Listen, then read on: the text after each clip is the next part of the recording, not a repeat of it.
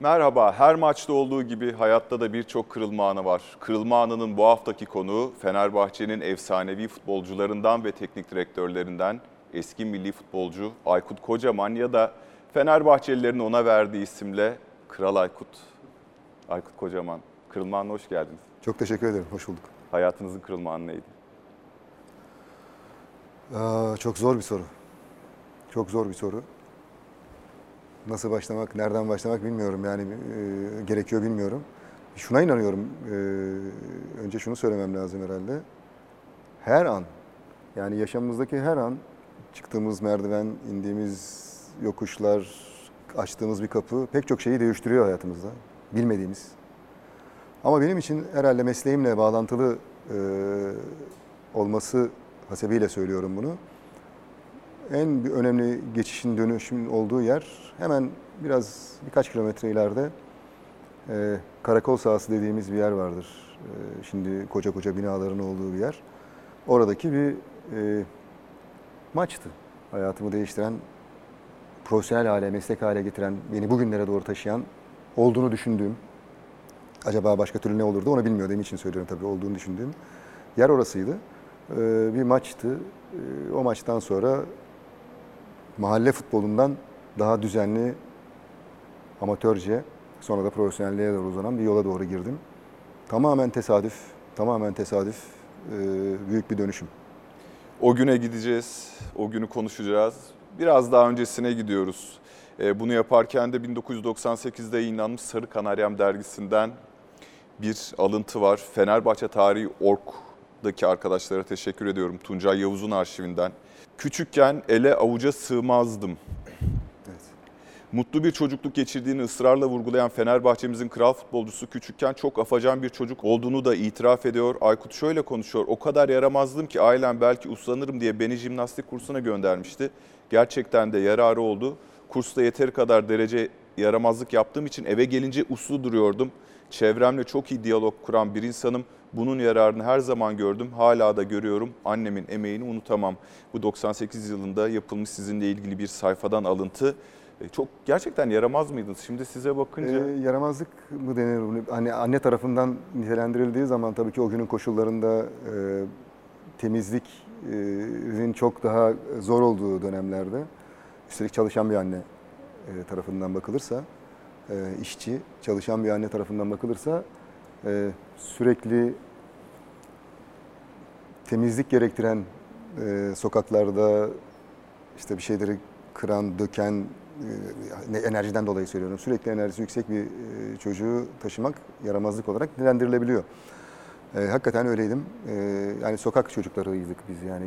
Ben 7 yaşında e, ilk so- ilk sını- sınıfımı e, Sakarya'da Adapazarı'nda okumuştum. Babamın tayini dolayısıyla İstanbul'a geldik. 8 yaşındaydım. 74 yılında. E, tamamen mahallede büyüdüm. Yani Gültepe'de e, hemen buraya çok yakın bir yer. Gültepe'de mahallede büyüdüm. E, sürekli top oynama, sürekli oyun, sürekli top oynama, sürekli oyun. Hem ayakkabılar hem e, giydiğimiz işte pantolondu, işte gömlekti ne varsa bulduğumuz her şeyin yıpranmasına yol açıyordu. Ciddi bir enerji e, vardı. Sadece bende değil bütün arkadaşlarım öyleydi. E, Sokak çocuklarıydık dediğim gibi. E, Dolayısıyla e, beni biraz daha enerjimi, e, annem Eczacıbaşı ilaç fabrikasında Evet. çalışıyordu. E, Biraz daha enerjimi e, farklı bir yöne e, yöneltmek için e, jimnastik branşı açılmıştı ve jimnastiğe e, gitme şansı yakaladım demem lazım buna. Yani o gün bilinçli bir tercih değil dediğim gibi tamamen safiyane bu yön e, bir şeyi en azından o, o anda biraz daha toparlayabilmek için yapılmış bir hamle. Benim ama onu bile ilerleyen dönemimde e, oyunculukta özellikle çok e, faydalandığım bir e, altyapı oluşturdu bana. hocam mutluluk, çocukluk e, ikisini birleştirdiğinizde aklınıza mutluyum, mutlu bir çocuktum diyorsunuz ya. Hangi sahne geliyor aklınıza? Çocuklukta mutluluğun tanımı neydi sizin için? Çok sahneler var ama yani o arkadaşlarla beraber oynamak, oynamak, oynamak, oyun oynamak, top oynamak. Ee, şimdiki nesiller için tabii ki en azından şimdi hala yapanlar var. Yanlış bir tanım yapmayalım çünkü hep aynı yanılgıya, düşüyoruz. Kendi bulunduğumuz sosyal çevreyle her çevre aynıymış gibi düşünüyoruz ki çok ciddi bir yanılgı. Ee, hala mahalleler geçen dolaştım. Bu navigasyonun yarattığı şeylerden bir tanesi de etkide Evet. e, şehrin her tarafına doğru İki girebiliyoruz. kısaltacağım diye. Aynı e, aynı yerler. yerlerde, aynı mahalleler aynı şekilde de devam ediyor. Ee, ama kendi adıma söylemem gerekirse o mahallede arkadaşlar, oyun yani en büyük mutluluk kaynağıydı. Sormayı çok sevdiğim bir soru var bu programda. 6 yaşınızdaki şortunuzu bulsak, cebi varsa eğer bilmiyorum belki futbol şortudur. Cebinden ne çıkar? Yani 6 yaşında hiçbir şey çıkmazdı herhalde. Yani şöyle benim benim 5-6 yaşlarımdaki dönemimi çok iyi hatırlamıyorum. Bazı insanlara bu konuda gıpta ediyorum yani. Birkaç yaş daha aşağı dönüp bazı şeyler anlatıyorlar. Benim o yeteneğim yok. Hatırlıyorum. Ama 6 yaşlarındaki bir e, çocuğun herhalde hiçbir şey olmazdı diye tahmin ediyorum. E, ama şöyle 6 ve 7 yaşında Adapazarı'nda özellikle ilkokula giderken, ilkokula başladığım dönemdeki şeyi hiç unutmam. O duvar, e, e, oturduğumuz evin bir küçük bir bahçesi ve duvardaki o topa vururken sağ ayağımı da, ya benim, ben de o şey yaptı. Sağ ayağımla yaptığım kadar sol ayağımla da yapayım diye. Mesela bunlar hep bilmeden yaptığım şeylerdi. Sonradan meslek hayatımda, özellikle oyunculukla ilgili tarafında, meslek hayatımda bana çok e, inanılmaz derecede, çok demem lazım, çok çok fazlasıyla e, yardım eden şeyler oldu jimnastik. Sol ayakta attığınız en güzel gol hangisiydi? Çok var. Yani çok çok var ama Kocaeli Spor'a attığım o uzak köşeye vurduğum e, Doğru. çok böyle yani böyle damga, simge, imza gollerden bir tanesiydi ama onun dışında çok sol ayağımla attım. O nedenle hangisini öne çıkarabileceğimi e, Beşiktaş'a da atmıştınız zor oluyor. herhalde. Beşiktaş'a da attım uzak köşe şampiyonluğu. Evet. Bir fotoğrafımız daha var. Bu bir sınıf fotoğrafı. Ortaokul zannediyorum. Aykut Kocaman sessiz Lise. sakin lise fotoğrafı. Nasıl bir öğrenciydiniz? Yani planlı şimdi sanki Yok. planları yapan değil de topluluğa uyan gibi mi? Aynen öyle. Ee, yani ben aslında ilk mesleğim olan, e, yani mesleğimin iki aşaması var. Paydası futbol ama e, pay tarafına geldiğimiz zaman antrenörlük ve bu lise son sınıfım. Ee, eşim de orada. Arzu. Sağ altta ki eşim. Ondan sonra e, çok başarılı yani genel olarak e, akıl ve zekam ortalamanın belki üzeri gibi düşünülebilir ama çok çalışkan bir öğrenci değildim. Okula endeksli bir, e, odaklı bir öğrenci değildim. Tamamen futbol benim bütün hayatımın her tarafını çok fazlasıyla kaplayan bir şeydi. Olam yani futbolcu olamasaydım ki belki oralardan da bahsederiz o hani e, anlarda. E, olabilirdi. Olmama ihtimali de çok yakındı. Çünkü e, herkesin çok kolay yapabildiği bir işin içinden öne çıkmak, gerçek meslek olarak yapabilmek çok zor. Dünyanın en zor işi bana göre. Yani aslında dünyanın en kolay işi ama bir taraftan da dünyanın en zor işi olarak yapıyorum. Çünkü herkesin çok kolay bir şekilde oynayabildiği bir oyunda sen meslek haline getirerek bundan yaşamını kazanamaya hale gelebilmek e, uzun e, ve çok engebeli bir yol aslında. Çünkü sen de oynuyorsun ve acaba bir gün bir yerde o kırılma anı dediğin yerlerde hangimiz öne çıkabilirdik? Çok yakın yakın yeteneklerin bir arada olduğu yerden öne çıkabilme anlamında söylüyorum. Böyle. Evet. Şimdi E Şimdi ama yani ö- çok başarılı bir öğrenci değildim yani onu E, söylemem Nurettin lazım. Bey'i de e, e, babanızı herhalde sinirlendirmişsinizdir. Hatırlıyor musunuz en çok ne zaman sinirli? Hangi konuda çok sinirlenirdi size? Şimdi bu kadar çok futbol düşkünlüğü olunca tabii Yani- illaki çatışılıyordur. Babamın e, babam sakin bir insandı. Çok böyle kolay sinirlenen birisi değildi. E, ama benim zihnimde kalan iki tanesi var. Bugün yani geçenlerde yani bunla, bu 10 yıl evvel yapsaydık belki zihnim daha taze olduğu için başka şeyler de hatırlayabilirdim ama iki tanesi e, çok e, kritikti. Yani Bak- sen mi söyleyeceksin ben mi söyleyeyim? Yani aynısını söyleyeceğimizi tahmin etmiyorum. Başkadır belki çünkü daha evvelki yapılan konuşmalara doğru e, Yani o ciddi bir transfer çalışma- transfer iki tane vardı. Bir tanesini de şöyle söyleyeyim. daha eve evvel giremeyişiniz, söylememiştim. kapıdan içeri sızmanız. Şöyle e, emek önce birincisiyle başlayayım o zaman sonra ikincisine geleyim. Aslında evet öyleydi. Transfer seçiminde e, Fenerbahçe'ye transferimde gerçekten senin herhalde hatırlatmak istediğin orası. Ama bir tane daha söyleyeyim ben. Bu çok daha önemli. Onun kadar önemli. Çok daha önemli değil. E, maç seyretme, televizyon yoktu. Bizde televizyon yoktu. Hemen e, Gültepe'de oturduğumuz evin tam karşısında e, teyzem oturuyordu. Teyzemlerde de bir televizyon vardı ve maçlar o zaman yani bir maçın yayını için işte bir, bir ay evvelden işte şu gün maç yayınlanacak falan işte falan filan gibi böyle bir şeyler oluyordu. Teyzemlerde televizyon vardı. Teyzemin oğluyla da o da çok inanılmaz futbol hastasıydı. Selçuk. Onunla beraber biz hani nerede maç oraya şey yapıyoruz. Ee, maçı tam hatırlayamayacağım. Maç hazırlığı yaptık, geçtik oraya. Ee, ben herhalde işte 10 11 yaşlarında falanımdır daha o zaman. Kardeşim 6 yaş küçük benden. Kardeşim de e, işte 5 yaşlarında falandır. 5 veya 6 yaş, 5 yaşlarında falandır. Karşıdan karşıya geçerken geçeceğim diye bir anda kayboluyor.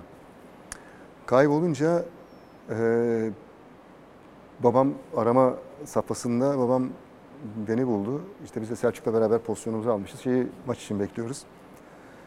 Nerede dedi bilmiyorum dedi. Nasıl bilmezsin dedi bana bayağı bir kızmıştı. Yani o gün o an o panikle bilemeyeceğini anlamıştı. Bayağı kızmıştı yani. Hatta biraz da fiiliyata varan bir kızgınlıktı. Sonra e, hani böyle şimdi şaka diye anlattığımız pek çok şey vardır. ya, Eskiden Evet. anında iz bırakan. O gün çok iz bırakan bir şeydi. O gün bayağı bir hiddetlenmişti. Ama bununla beraber mesleki anlamda da Sakaryaspor'dan transfer olacağım dönemde e, çok öne çıkmıştık. E, çok başarılı bir takımdı Sakaryaspor takımı o sene. E, hemen hemen tamamına yakın oyuncuların öne çıkmışlardı. Çıkan oyunculardan bir tanesi de bendim. E, Galatasaray ve Beşiktaş çok ısrarlı bir şekilde istiyordu. Fenerbahçe e, çok ilgili talip değildi. E, sezon bitmeden iki ay önce, e, iki ay öncesiydi galiba. Yanlış hatırlamıyorsam iki ay civarında bir şeydi. E, Bolu Spor maçında iki gol atmıştım ben. Nizi abi şeye geldi. E, kahveci Yavuz'la beraber. Yavuz Ağırgöl'le beraber. e, Sakarya'ya geldiler. Beni bir anda aldılar, getirdiler. O ara ama işte Galatasaray bir taraftan e, diyalog devam ediyor ama esas baba tarafından da e, bir taraftan şeyden o Sakaryalılığın getirdiği şeyler onlara o taraflarına çok fazla girmeden söyleyeyim. E, Allah rahmet eylesin Süleyman Seba Başkan. E, o Sakaryalılığın getirdiği şeyle konuşmalar oluyor. Ben hiç şeyde yoktu. Gerçekten hesapta yoktu demek lazım herhalde doğrusuyla, doğru cümleyle. Fenerbahçe e, istemiyordu beni yani. Bir anda geldim Tahsin Kaya'nın bürosuna geldik. Tahsin Kaya'nın bürosunda o akşam Beşiktaş'ta oldum, imzayı attım. Şey, Fenerbahçe'de oldum, imzayı attım, çıktım. Çıktım derken çıkmadan evvelki hale geleyim. Telefonların henüz yeni olduğu böyle e, eve de yeni telefon gelmişti. Aradım evi. Babama işte Hoşbeş'ten sonra ben İstanbul'dayım. Böyle böyle oldu dedim. Bir sessizlik oldu. Babanız koyu Beşiktaşlı. Beşiktaş'ta. Bunu söylemekte Yani kök- fayda var. Kök Beşiktaş'ta yani. Bu kadar koyu Beşiktaşlı'nın oğlu Fenerbahçe'ye transfer oluyor. Bu bir babanıza babanız neden kızgınlık? E, Duydu. Şöyle, e, bu bir meslek. Şimdi bir yola, yola girdikten sonra buraya başlamak zaten e, başlı başına bir iş. E, önemli bir iş, ciddi bir iş, zor bir iş başlamak. E, profesyonel futbolcu haline gelmek ve bundan hayatını kazanabilir olmak çok başlı başına biraz evvel hani o kolay gibi görünen ama esas zorluğu o kolaylığında diye anlatmadığım bir iş. Hayalim hep futbol oynamak, futbolcu olmak. En büyük hayalim oydu. Ee, çocukluğumdan beri yani şurada resmimi görüyorum bir taraftan. Çok bebeklik hali ama ondan sonra kendim bildiğim andan itibaren profesyonel futbolcu olmaya başlamıştım. Şimdi oraya doğru yaklaştığınız andan itibaren bu biraz evvelki söylediğim anlar örneğin 10'lu, 12'li, 13'lü, 14'lü, 15'li yaşlar. Ama yavaş yavaş sonra işte biraz sonra belki gelirse karakol sahasına gelip karakol sahasından o federe hale gelme e, yani daha düzenli bir takımda amatör bir takımda oynamaya geçen safhada artık yavaş yavaş mesleğe ve bulunduğunuz yere olan aidiyet duygusu biraz daha farklılaşıyor. Bu Kabataş Altınmızrak takımıydı. Kabataş Altınmızrak'ta bile böyle olmaya başladı. Artık tuttuğunuz takım biraz bir yerde ama daha fazla işte 15'li yaşlardan sonra biraz daha o anlamda kırılmalar e, en azından kendi dünyamı söylüyorum. Herkesin geçerli olmayabilir. Başlamıştı. Sonra Sakaryaspor'a gittikten sonraki süreçte artık hemen hemen hiç kalmadı diyebilirim. Yani bakın burada 3 tane e, büyük kulüp var. Yani bu benim için bahşedilmiş bir şey diye düşünüyorum o dönemler. Hani başladığım yer, e, yaşadığım hayat, geldiğim günler olarak düşünürse Fenerbahçe, Beşiktaş, Galatasaray. Üçü tarafından da isteniyor olmak e, hakikaten çok e, acayip güzel bir e, duygu. Orada seçimde hiçbir zaman e, yani Beşiktaş olsun, Fenerbahçe olsun ya da Galatasaray olsun hali olmadı. E, buradan şöyle bir şey de yapmak istiyorum. Yani bir o zamanki bir genç adamın hayatıyla ilgili, mesleğiyle ilgili bir yere doğru giderken verdiği kararın e, ilgili bir tarafını da söylemek istiyorum.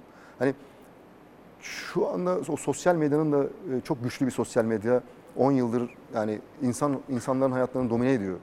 Yani onun farkındayım.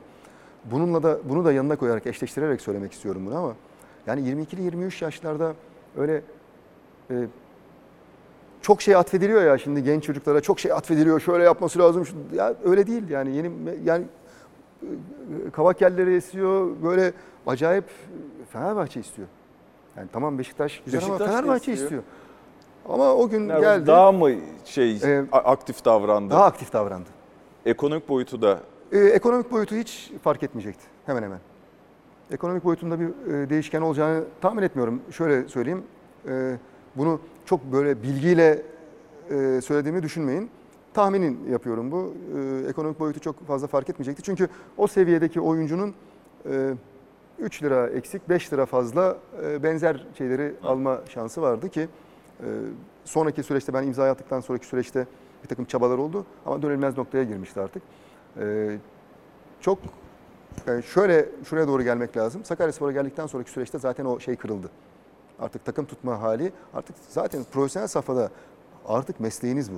evet. Bulunduğunuz takımla yaşamaya başlıyorsunuz. O nedenle yani taraftarlara da şunu e, bunu yaşamış bir insan olarak söylüyorum. Öyle takım şu, şu oyuncu şu takım, bu oyuncu bu takım, karşı takımdaki şöyleymiş öyle yok. Oyuncu, futbolcu e, takımıyla beraberdir. Takımını düşünür, takımıyla yaşar. Tamamen takımına odaklıdır. Yani %99.9 diyebilirim buna. Tamamen takımına odaklıdır ve zaten o takım tutmalar profesyonel safhada yavaş yavaş azalmaya başlıyor. En azından benim safhamda böyle oldu. Nezihi Tosuncu'ya çok şey borçlu Fenerbahçeliler diye düşünüyorum. Yıl 1980. Antrenör Gökhan Kabala, Levent Karakol sahasında Kabadaş Altı Mızrak Kulübü adına futbol seçmesi yapıyor.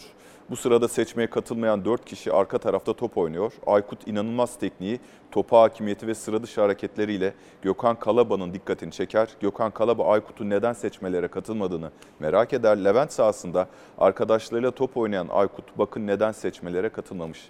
Dedim ya küçüktü ama yüreği kocamandı diye. Bizim Aykut meğer mahallede maç yaparken attığı top oradan geçen bir kadının yüzüne gelmiş ve Aykut bu olaydan sonra futboldan korkmuş. Var mı böyle bir olay? Şehir efsanesi mi? Biraz Bu bir e, e, Aykut Kocaman 1907 blogspot.com bir taraftar hesabının hikayesi.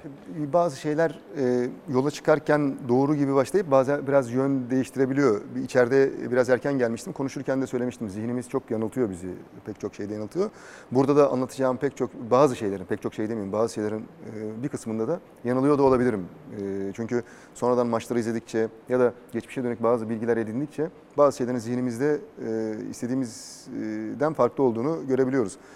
E, şöyle Burada ufak tefek e, şeyler var.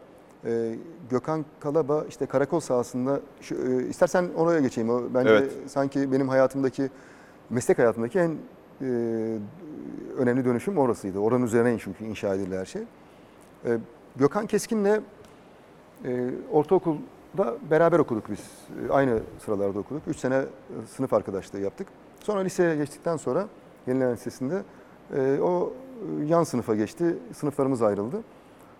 Okul devam ederken bir gün oturduk şey maç şey sonrası oku, okulun sonunda o günün sonunda dersler bittikten sonra maç yapalım mı dedik. Sınıf sınıf maçı yapalım mı diye söyledik. Bizim sınıfımızda da böyle sindire sindire sınıfları geçmiş bir bizden büyük bir arkadaşımız vardı. E, o, o işin organizasyonunu yaptı. Gökhan'ın sınıfıyla bizim benim sınıfım maç yapmaya karakol sahasına gittik. Gittik, oynadık. E, okul bittikten sonra bit, oy- oyun bitti. Oyun bittikten sonra kenara geldik. Dinleniyorduk artık. Maç bitmişti. Toparlanmaya çalışıyoruz. Terlemiştik falan filan. Sıcak da bir havaydı. Tam biz toparlanmaya çalışırken çok düzenli bir grup geldi. E, Altın Mızrak futbol takımı geldi oraya. E, şurayı düzelteyim. Biz oynarken geldiler. Biraz izlediler maçı. Maçın bitmesini beklediler. Aslında saha onların e, sahası. E, çalışıyorlar. E, sonra bizim maçımız bitmesini bekledikten sonra ka- kaç ne kadar 5-10 dakika geçmiştir. Kenara geldik. Oradan birisi yanımıza geldi. E, antrenörlerden sonradan Bülent abi, Bülent Hoca yanımıza geldi. Dedi ki e, bizimle maç yapmak ister misiniz dedi. Şaşırtıcıydı ama yani bazen takımlar arar ya böyle maç yapmak isterler. Biz böyle birbirimize baktık falan filan. İki sınıf bir karma yaptık. Gökhan'ın takımıyla, Gökhan'ın sınıfıyla benim sınıfım arasında bir karma yaptık. Tamam dedik, oynayalım. Futbol böyle bir şey çünkü yani oynayabildiğin kadar oyna işte yani en başa çocukluğuma dönerek soruyordun ya Evet. yani yani o lise yıllarında bile hala öyleydi yani. Ee, oynayalım. Ee, onlarla oynamaya başladık. Onlar takımlarını çıkardılar. Biz de bir takım kurduk, oynamaya başladık. Sonra işte o Bülent abi yanımıza gelip maç isteyen kişi maçı da yönetiyordu aynı zamanda. Ben oradan gidiyorum, buradan gidiyorum bir şeyler yapıyorum kendi kendime. Bir ara yanıma geldi. Senin dedi lisansın var mı dedi. İşte ben de bir şeyler söyledim. İşte daha evvel bir lisans çıkarmıştık bir yerde ama o git olmamıştı. Gitmemiştim. Ee, çekingenliğimden gitmemiştim yani gidememiştim. Ondan sonra Aa öyle mi falan filan tamam sen bize oynamak ister misin dedim. Olur dedim. Bir taraftan maç oynanıyor. O ara yanından geçerken birkaç cümle konuşuyoruz. Ondan sonra böyle böyle. Sonra beni çağırdılar. Altın Uzak takımına gittim. Tamamen düzenli futbola geçişim öyleydi. Ben Yıldız takımında lisans çıkarılmıştı bana daha evvel. Hiç antrenmanına gitmedim. Beşiktaş'ın altyapısı olan Yıldız Gökhan Yıldız Keskin'in. takımı, Gökhan Gökhan'ın oynadığı takım. Yıldız takımında bazı tanıdıklar vardı, dayımın tanıdıkları vardı. Onların vasıtasıyla bir öyle bir lisans çıkarılmıştı. Sonra o zaman bir siyasi bir takım nedenler oldu, bir şeyler oldu. Bir bomba patladı e, Barbaros'ta işte bir şeyler oldu. Ben de gidemedim o zaman. Fakat lisansım oradaydı. Ee, Gökhan Kalaba Hoca işte semtimizin çocuğu işte şöyle böyle falan filan diyerek e, Allah rahmet eylesin Hasan Tutaş'tan benim şeyimi aldı. Ee, Lisans. lisansımı aldı Filiz o lisans. zaman. Hasan Tutaş'ı da ne zaman görsem ondan sonra Sakaryaspor'a gittikten sonra özellikle hayatımda diyor bir kişinin diyor e, nur içinde yatsın. Hayatımda diyor bir, ki- bir tane diyor ben lisans verdim. Tanımadan da, yani vermem diyor. Mümkün değil diyor. Yani bilmem lazım tanımadan. O da sen çıktın diye bana çok şey yapardı. Üzüntülerini aktarırdı. Şimdi başka bir maça gideceğiz. O maçın da fotoğrafı var.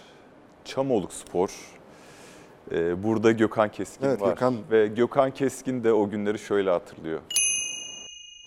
Bazı kişilerle abi kardeş olmanız için kan bağına ihtiyaç yoktur. Bizim tanışmamız İstanbul Yeni Levent Lisesi'nin ortaokulunda 3 sene aynı sınıfta e, okuyarak başladı diyebiliriz. Bu 3 sene zarfında yaptığımız tek şey öğleden sonraları gidip top oynamaktı. Beşiktaş altyapısından ayrılıp e, Yıldız amatör takımını e, geçmiştim. Aykut da o zaman e, Yıldız'dan ayrılıp Altın Mızrak e, amatör takımına geçmişti. Genç milli takım seçmelerine e, çağrıldık. İstanbul bölgesinin 16 kişilik bir kadrosu vardı. E, 14'ü seçildi. Sadece iki kişi seçilmedi. Biri bendim, biri Aykut Kocaman'dı. Sonra arkadaşların e, hiçbiri e, futbolcu olamadı. Biz ikimiz bugünlere geldik.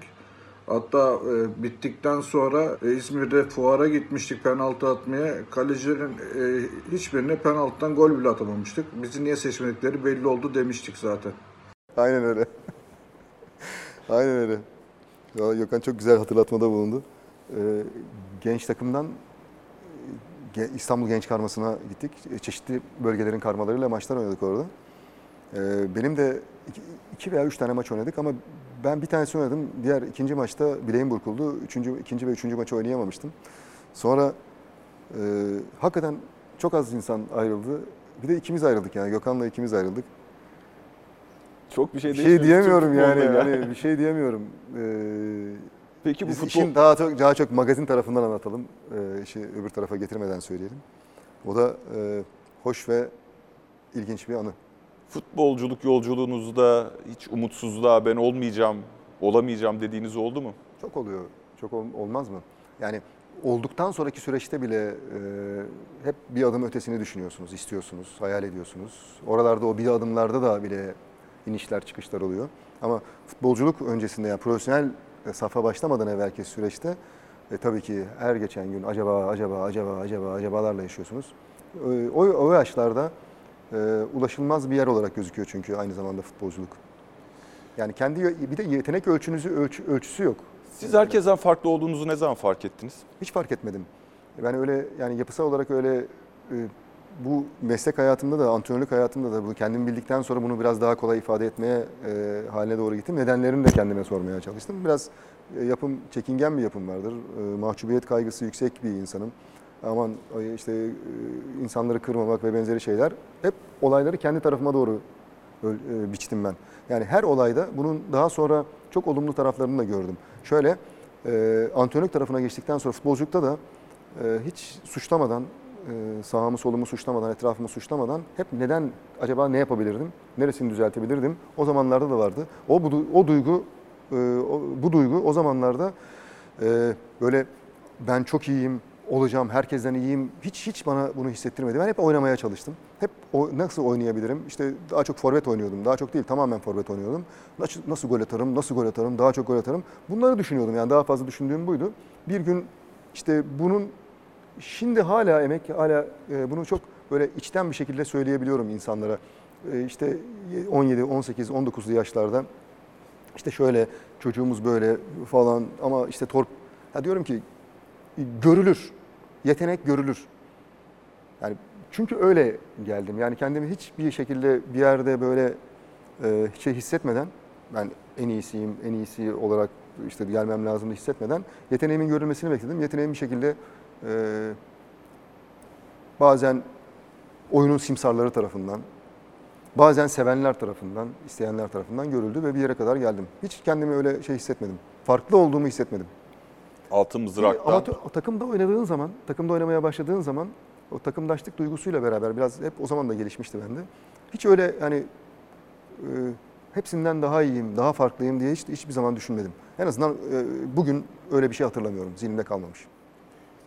Altın Mızrak'tan Sakaryaspor'a geçiyorsunuz. Aynen. 1984 yılında ee, Sakaryaspor formasıyla attığınız bir gol 9 Mart 1988. Oraya gidelim. Sakaryaspor 3-1 önde. Şimdi Aykut. Savunmada büyük hata. Aykut gol pozisyonu Aykut ve Fenerbahçe 4-1 yenik duruma düşüyor İstanbul'da. Evet. Ercan Taner anlatımıyla 5-1 5-1'lik. Sa- Sakaryaspor'un unutulmaz sezonu. Samsunspor finalde ee, geçerek kupayı alıyorsunuz. Beşiktaş da var elediğiniz takımlar arasında. Ee, Sakaryaspor sizi nasıl keşfediyor? Zaten bağlantınız var. Nasıl oluyor Sakaryaspor Şöyle ya semt turnuvası olmuştu. Semt turnuvaları vardı bilmiyorum e, hatırlayanlar vardır. E, ismini söylemek zorundayım yani. Coca-Cola Evet. adına yapılan semt, semt gayri federe takımların yani federe takımların gayri federe isimleriyle katıldığı e, turnuva vardı. Çamoluk Spor'da onlardan birisiydi zannediyorum. Çamoluk Gökhan var mıydı? Çamoluk. Çamoluk'la e, şeyden önce Altın Mızrak'tan evvelki e, periyodumuzda öyleydik. E, biz e, Altın Mızrak takımı Kabataş'ın Kabataş semtinin takımıydı. Kabataş olarak kat- katılıyorduk oraya. E, orada bayağı ciddi bir çıkış yaptım ben. E, oyunculuk olarak öne çıkmam, en büyük öne çıkmam. Şampiyon olduk hatta son turnuvada şampiyon da olduk. E, yanılmıyorsam Bayrampaşa'yı yenmiştik. Bayrampaşa'da Bayrampaşa adıyla yani oradaki federe takımlardan bir tanesi Bayrampaşa semtini temsil ederek oradaydı. Çok ciddi bir Sarıyer'de final olmuştu. Ciddi bir kalabalık bir finaldi. Ee, onları yenerek şampiyon olmuştuk. O maçta oradan sonra e, yani şeyde bu bu seviyede, o, o günkü o seviyede şeyim çıkmaya başlamıştı. İsminiz. İsmim çıkmaya başlamıştı. Hatta e, bir bir yanıma birisi geldi maçtan sonra. Seni dedi Adana Demirspor'a götüreceğiz. Siz de gelir misin falan gibi konuşmuştuk. Şimdi ismini hatırlayamıyorum. Çok uzun zaman. Yani e, nereden bakarsanız 40-45 seneye yakın zaman geçti. E, sonra artık işin boyutu biraz profesyonel safhaya doğru gidiyordu. İki yer e, çok e, önemliydi. E, Düzce Spor vardı. Bir de Sakarya Spor vardı. E, Düzce Spor şundan dolayı vardı. Benim, bizim ben Doğançaylıyım. Sakarya, G ve Doğançaylıyım. Doğançaylı bir abim, Tuncer abimiz orada oynuyordu. Onun vasıtasıyla olacaktı. Ee, Bir de Sakarya Spor vardı. Sakarya Spor'da biliyorlar, tanıyorlar falan filan ama tabii ki geçişlerde bu işte bazen bu sevenler dedim ya bazen bilenler, bazen sevenler tarafı oluyor. Sakarya Spor'da yine e, bizim çok yakınımız olan e, işte Mehmet abimiz vardı bir. Mehmet abimizin vasıtasıyla Ercan Bey e, o günkü Sakaryaspor'un ikinci başkanı onun vasıtasıyla Sakaryaspor'a imza attım. Benim imza attığım gün inanılmaz bir sirkülasyonun olduğu gündü. Büyük Şenol'un Sakaryaspor'dan e, Fenerbahçe'ye e, Tavşan Mustafa ile Özcan Kısıltan'ın da Tavşan Mustafa olarak e, Mustafa Hoca e, mazur görsün. Öyle Tüm kamuoyu Tavşan Mustafa olarak biliyordu. Tavşan Musta- Mustafa ile Özcan Hoca'nın, Mustafa Hoca ile Özcan Hoca'nın Fenerbahçe'ye transferinin olduğu, o takasın gerçekleşeceği gün yani muazzam bir e, izleyen kulüpte aynı zamanda e, Eser Hoca ile Sinan Hoca, Sinan Turan ve Eser Özaltıntele'nin de Fener- e, Galatasaray'dan Fenerbahçe'ye geleceği gün yani tahmin ediyorsunuzdur. Yani o günkü şartlarda, var olan şartlarda, o günkü medyanın e, şartlarında e, günün sonuna kadar beklendi. En son içeriden çağırdılar. İşte Tuncer Tepe, e, Sayın Başkan Tuncer Tepe, işte Ercan abi yanlarında geldim imza attım ve bir anda Sakaryasporlu oldum. Ondan sonraki bu sefer profesyonel safa başladı. Profesör Saf- Safa başladı. İsmi biraz önce geçen Özcan Kızıltan da şöyle hatırlıyor o günleri. Türkiye Kupası'nı aldık ve mükemmel bir iş yaptık. Hakikaten e, hem keyif aldık hem de çok Sakarya adına hala işte efsane takım olma e, ünvanını da kazanmış olduk hep birlikte. İlk gün 84 yılında beraber e, Sakaryaspor'a geldiğimiz günde 18-19 yaşlarında karakteri neyse e, bugün de o karakterinde e, duruşunda bir değişiklik olmamıştır. Şöhret olmasına rağmen hem futbolcu hem teknik adam olarak o da gerçekten önemli bir başarıdır. Yani o yetenekler futboldaki kadar da o insan olarak da o duruşu bozmamak da çok önemli başarıdır. Şu son dönemlerde de İstanbul'da olduğumuzda işte Serdar Turan, bizim Şenol Çorlu, Zafer Tüzün böyle bir araya geliyoruz. Aykut'u da bekleriz ara sıra İstanbul'da ama pek görüşemiyoruz. Özcan Kızıltan e, çok önemli futbolcuydu. Önemli bir teknik adam. E, O kupa heyecanı farklıdır herhalde. İlk kupanın heyecanı sonraki kariyerinizde bir daha bulabildiniz mi? Ee, tabii ki onun yani benzer şeyleri de yaşadım ama o o ba- başlı başına bir e, olaydı. Yani kupanın alınması kadar kupaya giden yoldaki o maçlarda yani o sezon aslında başka bir program tek program olarak yapılabilecek. Yani Özcan Hoca'dan tutun da işte Sinan Genel Turan. abilere kadar, Coşkun abilere kadar bir süreci şey yapan son senemizde onlar yoktu ama yani Sinan abi, e, yani Tuna abi çok inanılmaz bir kadro e, derinliği vardı. Daha evvelinden Ceyhun abi falan. O son seneye gelen, e, sınıra gelen kadro artık elenmişti. E, İkinci ligden çıkan bir kadroydu o kadro. E, İkinci ligde çok sıkıntılı bir Konya Spor'la çekişmeden sonra son anda e, averajla şampiyon olmuş bir takımdı. Çok kuvvetli bir takımdı aslında. Fakat e, son anda şampiyon olmayı başardı. O takıma sadece Kemal Yıldırım takviyesi geldi. İkinci ligden çıkan takıma Kemal Yıldırım takviyesi geldi. Ancak bir futbolcu bir takıma bu kadar etki edebilir, bu kadar uyum sağlayabilir. Kemal abi benim gerçekten hem yapısıyla e, hem oyunculuğuyla hayranlık duyduğum insanlardan bir tanesiydi. Genel karakteriyle de öyle. Takıma da çok uydu. Hepimize çok uydu. Hepimizi e, tamamlayan ve geliştiren bir e, tarafa döndü. Ben kişisel olarak şunu söylemem lazım. Benim forvete doğru e, Kemal abi çünkü hem sağ açık oynayabildiği hem de sol açık oynayabildiği için aynı zamanda iki taraf ikisini de iki taraf e, aynı maçta yapabildiği için ben yavaş yavaş Sinan abinin yanına doğru gitmeye başladım. E, forvete doğru. Takımlar 4-3-3 diye diziliyorlardı. 3 orta saha, 3 tane forvet. 3 forvette daha çok kenar sağ, kenar sol, bir tane de merkez forvet olarak şekilleniyordu. Ee, Kemal abinin her iki tarafı mükemmel oynaması e, dolayısıyla ben biraz daha Sinan abinin yanına doğru ikinci forvete doğru e, dönüşmeye başladım. E, bu da bana e, hem kaleye daha yakın olma hem yeteneklerimi o çabukluk çünkü kenardan uzun zaman top taşıma çok kolay bir şey değil. Benim fiziksel olarak da yatkınlığım değildi. Kaleye yakın olmamı üstelik Kemal abinin servisleriyle beraber çok gol atmamı sağladı. O sene takım mükemmel bir uyum sağladı. Ufak tefek sezonun başında badireleri atlattıktan sonra devreyi ikinci bitirdik Galatasaray'ın hemen arkasında. Yani e, ikinci yarının hemen başında Galatasaray'ı içeride oynadığımız maçta yenebilsek belki kafa kafaya son haftalara kadar taşıyabileceğimiz bir güçtü. Galatasaray yenilince tamamen kupaya odaklandık ve e, Fenerbahçe maçını bu o biraz çok böyle o kadar o skor beklendik bir skor değil. Kazanmaya yakın olduğumuzu tahmin ediyorduk ama Fenerbahçe'nin de çalkantılı bir dönemiydi o dönem. Ama bu skor çok sansasyonel oldu. 5-1 içeride 2-1 e, mağlup olduk.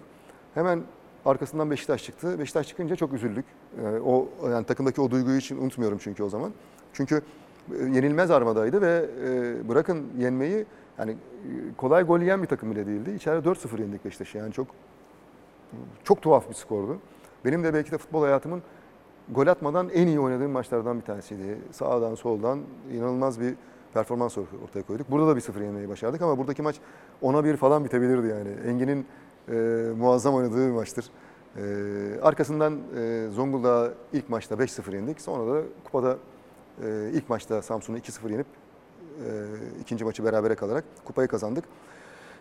E, bir sezon önce ikinci lige şampiyonluğu yaşamıştık. Bir sezon sonra da kupa şampiyonluğu yaşadık. Tabii ki genç bir oyuncu için elde edilen e, böyle elde edilemez gibi görünen özellikle kupa şampiyonluğu elde edilemez gibi görünen bir şey elde etmek çok e, doyurucu ve tatmin ediciydi. Ancak ilerleyen zamanlarda buna yakın e, duyguları yine yaşadım. E, o duygu hiç bitmiyor. Bit- Demek çok özür dilerim. Yok. Hemen e, o duygu hiç bitmiyor. Bu yani bu oyunculuğun, futbolculuğun en bence e, baskın tarafı bu. E, kazanma kazanma arzusu doyumsuz. Sakaryaspor'dan ayrılmanız gerektiğini ne zaman hissettiniz peki? E, siz hissetmeseniz de etraf bunu hissettiriyor zaten size. Şeyler büyüyor. E, talepler e, artıyor diğer takımlardan, özellikle büyük takımlardan. Ondan sonra yavaş yavaş işte biraz evvel söyledim ya kavak yerleri derken genç oyuncularda, genç oyuncuların hemen hemen tamamında hala öyledir diye tahmin ediyorum. Nispeten biraz daha e, sosyal çevre, e, ekonomik olarak biraz daha nispeten bir, o dönemlere göre biraz daha yakınlaşma olsa da e, hala e, büyük takımlarda oynamak, kendini göstermek çok baskın bir e, duygu gibi gözüküyor. E, böyle bir talep olunca da biz de oraya doğru yönlendik tabii. Biraz önce anlattınız Fenerbahçe'ye geçiş sürecini yani aşamalarını. Ee, babanızla olan ilişkinize tekrar dönmek istiyorum Fenerbahçe imza attıktan sonra. Ee, ilk sözü ne oldu size? E, Çünkü telefonda Gökhan Keskin de babanızla, değerli babanızla ilgili konuşurken çok çok koyu bir Beşiktaşlı olduğunu ve masa tenisi maçı olsa bile Beşiktaş'ın seyrettiğini ama babam yani e, iki tane kızgınlığını anlattım. Bir tanesi kırgınlıkla harmanlanmış biraz evvel konuştuğumuz konu. Bir de kızgın kardeşim kaybolunca ilk tepki olarak e, bana sordu niye kardeşine sahip çıkmıyorsun diye ve orada bir e, biraz daha öfkeliydi tabii. Ama bütün bunları bu- bütün yaşamıma sığdırdığım en öfkeli haller ve kızgın veya kırgın haller bunlar. Babam e, yapısal olarak öğretmen ve demokrat bir insan. Yani öyle e, bizi de büyütürken e, böyle hatırladığım öyle bir hani anladım. onu bile baskı yoktu. Dolayısıyla buradaki kararıma da son derece saygı duydu. Ben çünkü sonuçta 4 yıl evvel evden ayrılmışım. E, Artık e, ilk anlarında bu da başka bir programdır aslında.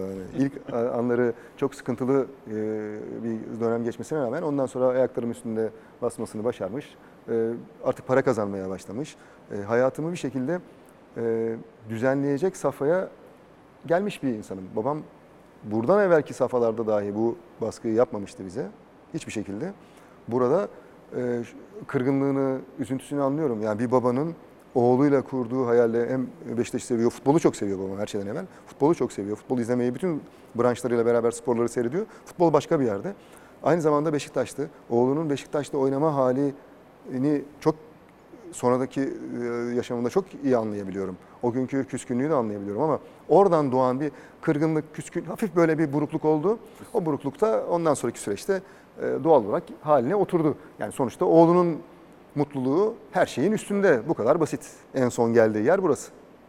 Yani sonrasında Fenerbahçe Beşiktaş maçlarını nasıl seyretti? Mesela 88-89 sezonunda Fenerbahçe'nin 2-1 kazandığı maçı. Onu e, e, onu tabii babamla konuşmakta fayda var. Ben çünkü bu konulara çok fazla girmedim ama şöyle bir anekdot anlatayım. En e, bence çarpıcı yeri budur. Belki sorunun e, yanıtı da olacak.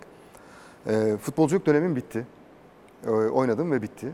Antrenörlük dönemine işte hızlı geçiş yaptım ben ama futbolculuk dönemim bitti. Futbolculuk dönemi bittikten sonra bir gün e, ziyarete gitmiştim babamı. Annemlere ziyarete gittik. Oturduk. E, yanlış hatırlamıyorsam Beşiktaş'ın maçı vardı ondan sonra. Televizyonun olduğu odaya geçtik. İşte babamla beraber oturduk. Hem bir taraftan sohbet ettik. Sonra da maçın gelmesini bekledik. Tam maç başlarken e, yıllardır sakladığı e, duygusunu ortaya o gün çıkardı babam. Dedi ki, e, Aykut dedi, tamam dedi artık dedi profesyonel hani oyunculuk tarafından profesyonel safhada bitti. Artık dedi aslında dönersin herhalde dedi. Şimdi bu emek, şimdi burada böyle güzel bir anı olarak anlattığımız şey aslında çok ağır bir duygu taşıması yani yıllardır beklediği duygu oğluyla beraber. Aslında o günkü küskünlüğü, kırgınlığı, burukluğunu çok iyi anlatan bir cümle. Ee, yıllarca beklemiş Ve o gün tam maçı seyrederken işte e, artık dedi. Şimdi ne cevap vereceksin burada? Ben şu anda biraz sonra şunu söyleyeceğim. E, yani bir adım öncesinde ne cevap vereceksin diye diyorum. Çünkü anlayabiliyorum yani babamı. Kırmak da istemiyorsun baba. Ya bilerek o, o günkü kararla bir karar vermişsin. Üzüldü. Ama bilerek kırmak çok e, sıkıntılı bir durum. Yapabileceğim bir şey de değil. Ben bırak babamı hiç kimseyi kırmayı istemeyen bir insanım. Yapısal olarak böyle bir antrenörlüğe nasıl yaptığımda antrenörlük onun da bir e, başka bir muammadır da. Şöyle babacığım dedim ya yani biraz evvel anlattığım gibi çok baba dedim yani şu kadar bir kırıntı kalsa içimde dedim. Hakikaten hani seni kırmamak için diyeceğim ama yok dedim yani yok. O günden sonra bir daha hiç e, bir daha babamla bu konuları konuşmadık. Bir daha da hiç bakmadı. Fenerbahçeli olduğunuzu ne zaman hissettiniz tam olarak? Ben Fenerbahçe'de başladıktan sonraki süreçte artık biraz evvel söylediğim gibi hemen Fenerbahçe aidiyeti en yüksek duruma düştü. Çünkü aidiyet duygusu yüksek bir insanım.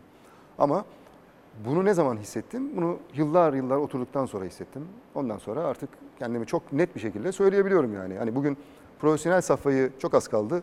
Bırakmak bıraktığım gün çünkü profesyonelken maçlara gitmek çok bana çok şey gelmiyor. e, doğru gelmiyor. Öküz altında buzağı arama hali bizim milletinden dolayı çok fazla anlamlı gelmiyor. Şey e, profesyonel safhayı bıraktım dediğim gün gideceğim statta gayet güzel bir şekilde maçları seyretmeye başlayacağım. Çok uzun zamandır bu duygular tabii ki içimde. Fenerbahçe. Şu anda yapamamakta. Çok çok net yani hiç nasıl e, açık yüreklilikte doğrusu neyse e, başlangıcı söylüyorsam bugünü de inandığım ve doğrularım bu olduğu için bu şekilde söylüyorum. Ee, Fenerbahçe günlerine çok sansasyonel bir başlangıç yapıyor Aykut Kocaman 21 Ağustos 1988. Rıdvan serbest atışı kullanacak. Bekletmeden de kullandı Oğuz. Oğuz şut pozisyonu arıyor. Ortasını yaptı. Uzak kale direğine doğru ve faal. Tekrar falden dönüyor gol. Aykut ve gol. Evet dakika şu anda dakika 60 ve gol. Bu golle Fenerbahçe 1-0 öne geçiyor. Şenol. Orta. Aykut ve gol. Aykut ve gol dakika 69. Yerden gönderiyor topu.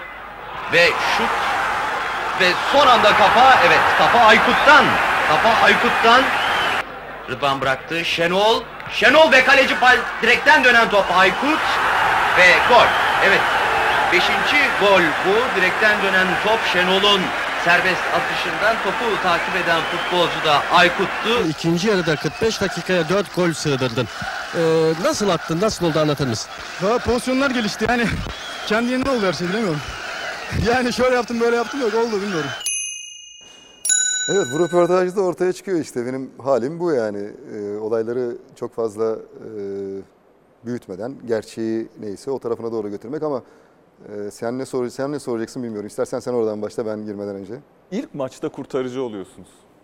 Devamında Fenerbahçe kariyerinizde Bu yani oyunculuk için dediğim yani bahşedilmiş çok e, yani hobi meslek aslında bir taraftan çok istenilen bir şey. Bu da Fenerbahçe gibi bir takıma gelirken, büyük takımlardan birine gelirken başlangıç için bundan daha e, doğru, iyi bir senaryo olamaz. Çünkü e, benim halim biraz daha özel bir haldi.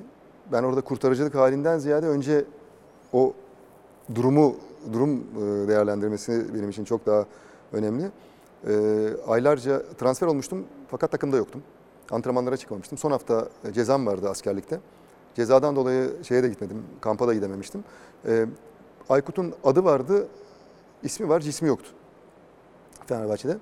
E, Allah rahmet eylesin bu maça giderken de yani benim kurtarıcı diye düşündüğüm, belki öyle sevmediğim bir şeydir biliyorsun.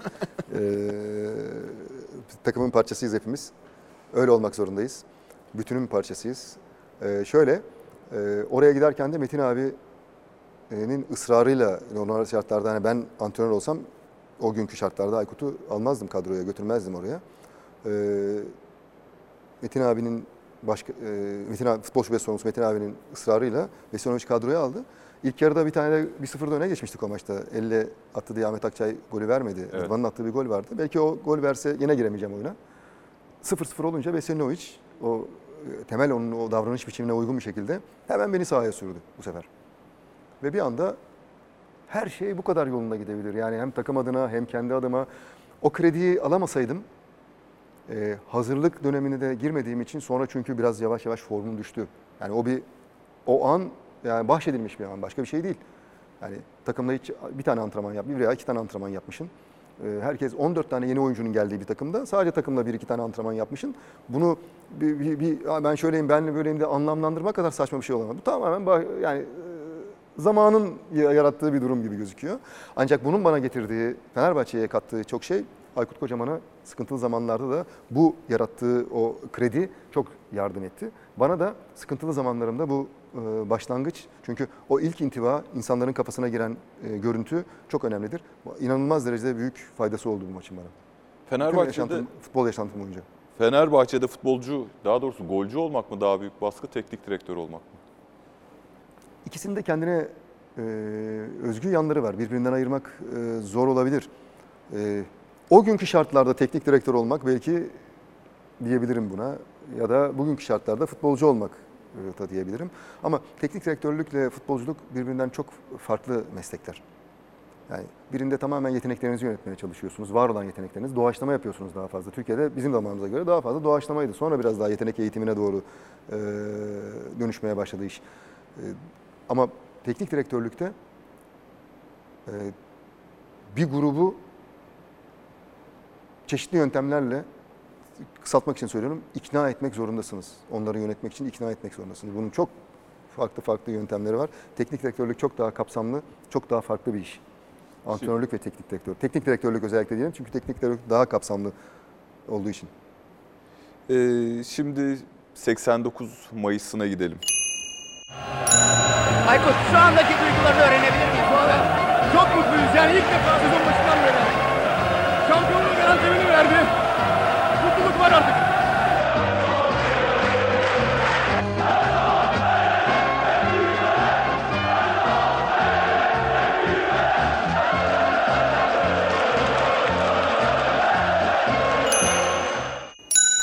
Şampiyonluk mutluluk mu, rahatlama mı? İkisi de iç içe. Büyük bir mutluluk ama hemen arkasından da büyük bir rahatlama.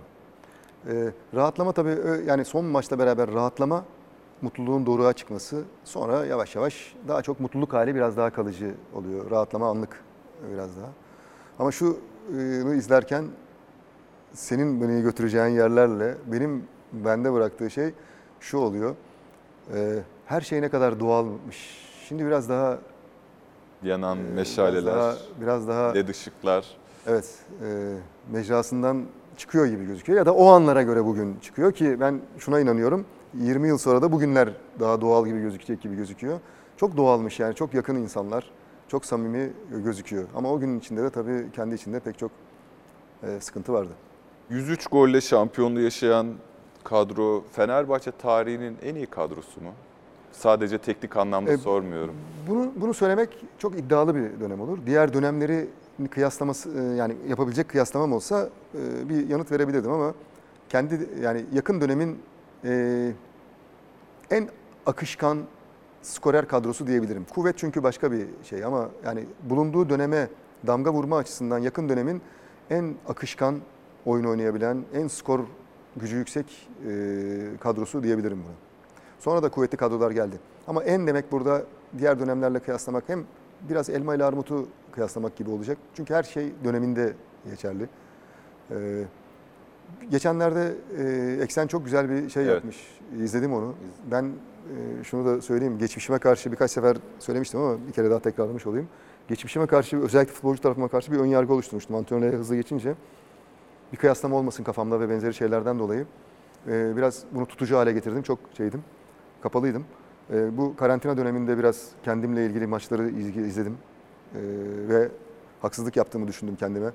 Ee, hatta hatta bir adım daha ötesine gidip kendim tarafımda değil, Oğuz ve Rıdvan'a özellikle e, bildiğim hayranlığın dışında daha büyük bir hayranlık duydum. Yani özellikle Oğuz, yani Rıdvan da başlı başına ama özellikle Oğuz bir takım yönetme konusunda ne derece başarılı bir oyuncu olduğunu e, hissettiklerimizi bana bir tekrar gösterdi orada. E, ama kendimle ilgili tarafında biraz kendime haksızlık yaptığımı hissettim. Sonra bu Ekseni'nin yaptığı şeyi seyredince e, hakikaten o, o senenin sadece oynayanlar için değil, seyredenler için de ve aynı zamanda camia içinde büyük bir mutluluk kaynağı. Hatta sizi bu soruya getirecek kadar e, önemli olduğunu e, fark ettim. Şimdi beni bir soruya daha getiriyor o sezon. Ee, Benim yalnızca benim çevremde e, sizden dolayı adı Aykut olan iki kişi var. Oğuz olan bir kişi var. Rıdvan olan iki kişi var. Ama o kuşağın sadece isimler üzerinden sormuyorum. 88-89 kadrosu Fenerbahçeler için bir kırılma anı. Çünkü tutundukları 90'lı yıllar başarısız geçtiği için genel anlamda hep çapayı attıkları kadrodur. Ee, Kendilerini Fenerbahçeli olarak belirlerken. Ama o kadroyu simgeleyen, kısa sorayım, bir heykel, bir anıt, bir e, herhangi bir eser yok. Lefter Küçükhan Doniadis, Can Bartu, Alex de Souza. Hak etmiyor mu sizce? Yani geldiğimiz günleri de düşündüğümüz andan itibaren hak ediyor, hak etmiyor'nun ötesinde yapılması iyi olur mu deseniz bence e, yani hak eden yani bu- bunu koyduğumuz zaman hak eden başka e, kadrolar da olabilir gibi gözüküyor. E, Şimdi zihnimden hemen çağıramadım ama yapılsa iyi olur demek sanki Fenerbahçelik adına daha doğru bir cevap gibi gözüküyor. Mutlu eder misiniz, ister misiniz? E, ya ben şöyle hiçbir şey biriktirmedim hemen hemen. E, geçmişime ait hemen hemen diyorum yani yüzde yüz diyemeyim buna. Biriktirmedim. Böyle futbolculuğumun son dönemlerinde ya biraz uzak kaldım ben. Sonunda her şey yok olacak diye düşünüyordum. E, ve tarih yani şöyle yani tarih iz bırakan ve benzeri şeyler hiçbir materyal e, biriktirmedim. Dolayısıyla benim bu soruya yanıtım hani e, çok böyle tatminkar olmayabilir. Ama bence e, tarihi içinde e, belki kırılma anını dememek lazım o Fenerbahçe'nin dağılma halini ama o, o seneden sonra dağıldık çünkü sakatlıklar ve e, Hasan'ın ayrılması, sakatlıklar ve benzeri şeylerle. E, o dönemi simgeleştirmesi açısından simgeleştiren bir, e, bir eser son derece iyi olur. Fenerbahçe'nin o arşivini de doldurması açısından iyi olur. Mütevazı tavrınızı çok fazla zorlamak istemiyorum. Şöyle o döneme yeniden döneyim. Ee, şimdi zorladığını söylediniz. 90'lı yıllar Fenerbahçe'nin en başarılı dönemleri değil aslında. Ee, bir şampiyonluğu var 90'lı yıllarda. Sizce Fenerbahçe gelinen bu dönemde 90'lı yıllardan gereken dersi almış gibi gözüküyor mu? Ee, çok e, gözüktüğü söylenemez. Ne yazık ki. Yani e, benzer davranış kalıpları ve düşünce ve davranış kalıpları e, dönemsel olarak değişmiş gibi gözükse de kökünde, özünde şeyini koruyor gibi gözüküyor. Şuna mı güveniyor sizce Fenerbahçeliler? Ee, 88-89 sonrası Rıdvan Dilmez sakatlandı. Rıdvan dönsün, bizi kurtarsın. Alişen gelsin, bizi şampiyon yapsın. Aziz Başkan gelsin, bizi şampiyon yapsın. Yine başarısızlık, Aykut Kocaman dönsün, şampiyon yapsın. Ersun Yanal dönsün şampiyon. Hep bir kurtarıcı bekleme hali var gibi Fenerbahçe'de. Bu, bu ülkemize has bir davranış kalıbı. Ama Fenerbahçe özelinde söylemek gerekirse Fenerbahçe'de bir, bir adım daha sanki ortalamanın biraz daha üzerinde gibi gözüküyor. Ee, bir güç olarak güç olarak büyümüş Fenerbahçe. Ee, bir şekilde bir güç de bulmuş hep. Sürükleyici olan tarihi boyunca. Ee, belki bunun da oluşturduğu bir refleks hali e, olmuş olabilir gibi gözüküyor. Ancak gidişatın artık en azından bugün bunu söyle daha rahat söyleyebiliyoruz. Gidişatın artık daha yutkunarak, e, dişini sıkarak yani sabretmeye ait e, bir takım benzetmeler yaparak söylemeye çalışıyorum. E, sabrı öne alarak, aklı öne koyup biraz daha düzenin e, sistem ve düzen getiren bir duruma doğru mutlaka bir dönüşüme doğru e, gitmesi lazım. Ama ülkenin gerçeklerini demek atlamadan hemen onu her zaman söyleme, söylüyordum. Bütün konuşmalarımda da bu var. Bu saf yani düzen ve sistemle olacak bir şey değil. Öyle bir millet değiliz biz. Biz e, duygularımızla da yaşayan, duygularımızın da öne çıktığı yani davranış ve düşünce kalıbımıza biraz daha duygularımızın da yön verdiği milletlerden bir tanesiyiz. E, hatta bunun biraz daha fazla olduğu. Bunu biraz daha birbiriyle harmanlayarak ama biraz, bir, aklı biraz daha bir adım daha öne çıkararak bir düzen kurmaya gitmeye ihtiyacı var. Aslında sadece Fenerbahçe'nin değil belki de bütün bütün takımlarımızın buna artık ihtiyacı var. Çünkü futbol e, ben çok uzun zamandan beri söylüyorum. Çok e, böyle iyi analiz yaptığımda tam ortalamayım ben. Ben kendimi o anlamda da çok fazla şeyde hissetmiyorum. Ee, hocam. çok iyi e, ortalama yapanların bile görebildiği şey şuydu. E, futbolumuz e, uçuruma doğru hala vurmadık diye yani vurduk aslında da parçalandık. Dala takılır mıyız diye bekliyoruz. Bekliyoruz yani bu, bunu düzeltmemiz lazım. Şimdi Mayıs 96'ya gidelim Trabzon'a. Bir tekrar seyredelim. Tayfun, Erol. Tarık top istiyor. Erol orta hazırlığında. Ön açıldı. Ceza sahasına. Kaleci boş pozisyon. Top ağlarda gol. Bak topu Aykut ağlara gönderiyor. Ve Fenerbahçe bu golle müthiş bir avantaj elde ediyor. Aykut topu ağlara gönderen futbolcu gerçekten gerilimi müthiş yüksek maçta Fenerbahçe çok büyük bir avantaj elde ediyor. Dakika 83 Aykut orada unutuldu ve gitti Aykut topu en uzak noktada ağlara gönderdi. Pek sevinmemişsiniz Yavuz. Kayral. Bu bir sevinç değil. Sevinçten ötesi Ee, ve öyle bir bakış var. Neyse tünele doğru koşarken Aykut Kocaman ne hissediyor? Şöyle yani tabii ki o anı e, bir, bir taraftan da kendime bakarak anlamaya çalıştım ama çok şey vardı arkasında. Çok şey vardı. Yani e, o kadar çok şey vardı ki bir taraftan takımın durumu, bir taraftan kendi durumumuz, hem Oğuz'un hem benim durumumuz çok şey vardı. E, sevmediğim bir konu. Ben genel olarak özellikle yaşım da biraz daha ilerledikten sonra olgunlaştıktan sonra bunun daha da farkına vardım geçmişe dönüp işte şu şöyleydi, bu böyleydi, şu şey yaptı ve genel olarak da zaten suçlama eğilimi değil. Dedi, biraz evvel söyledim ya, olaylar hep kendi tarafıma doğru biçen bir adamım. Ben ne yaptım burada veya yapamadığım neydi diye. İlk, ilk sorum hep oydur e, benim.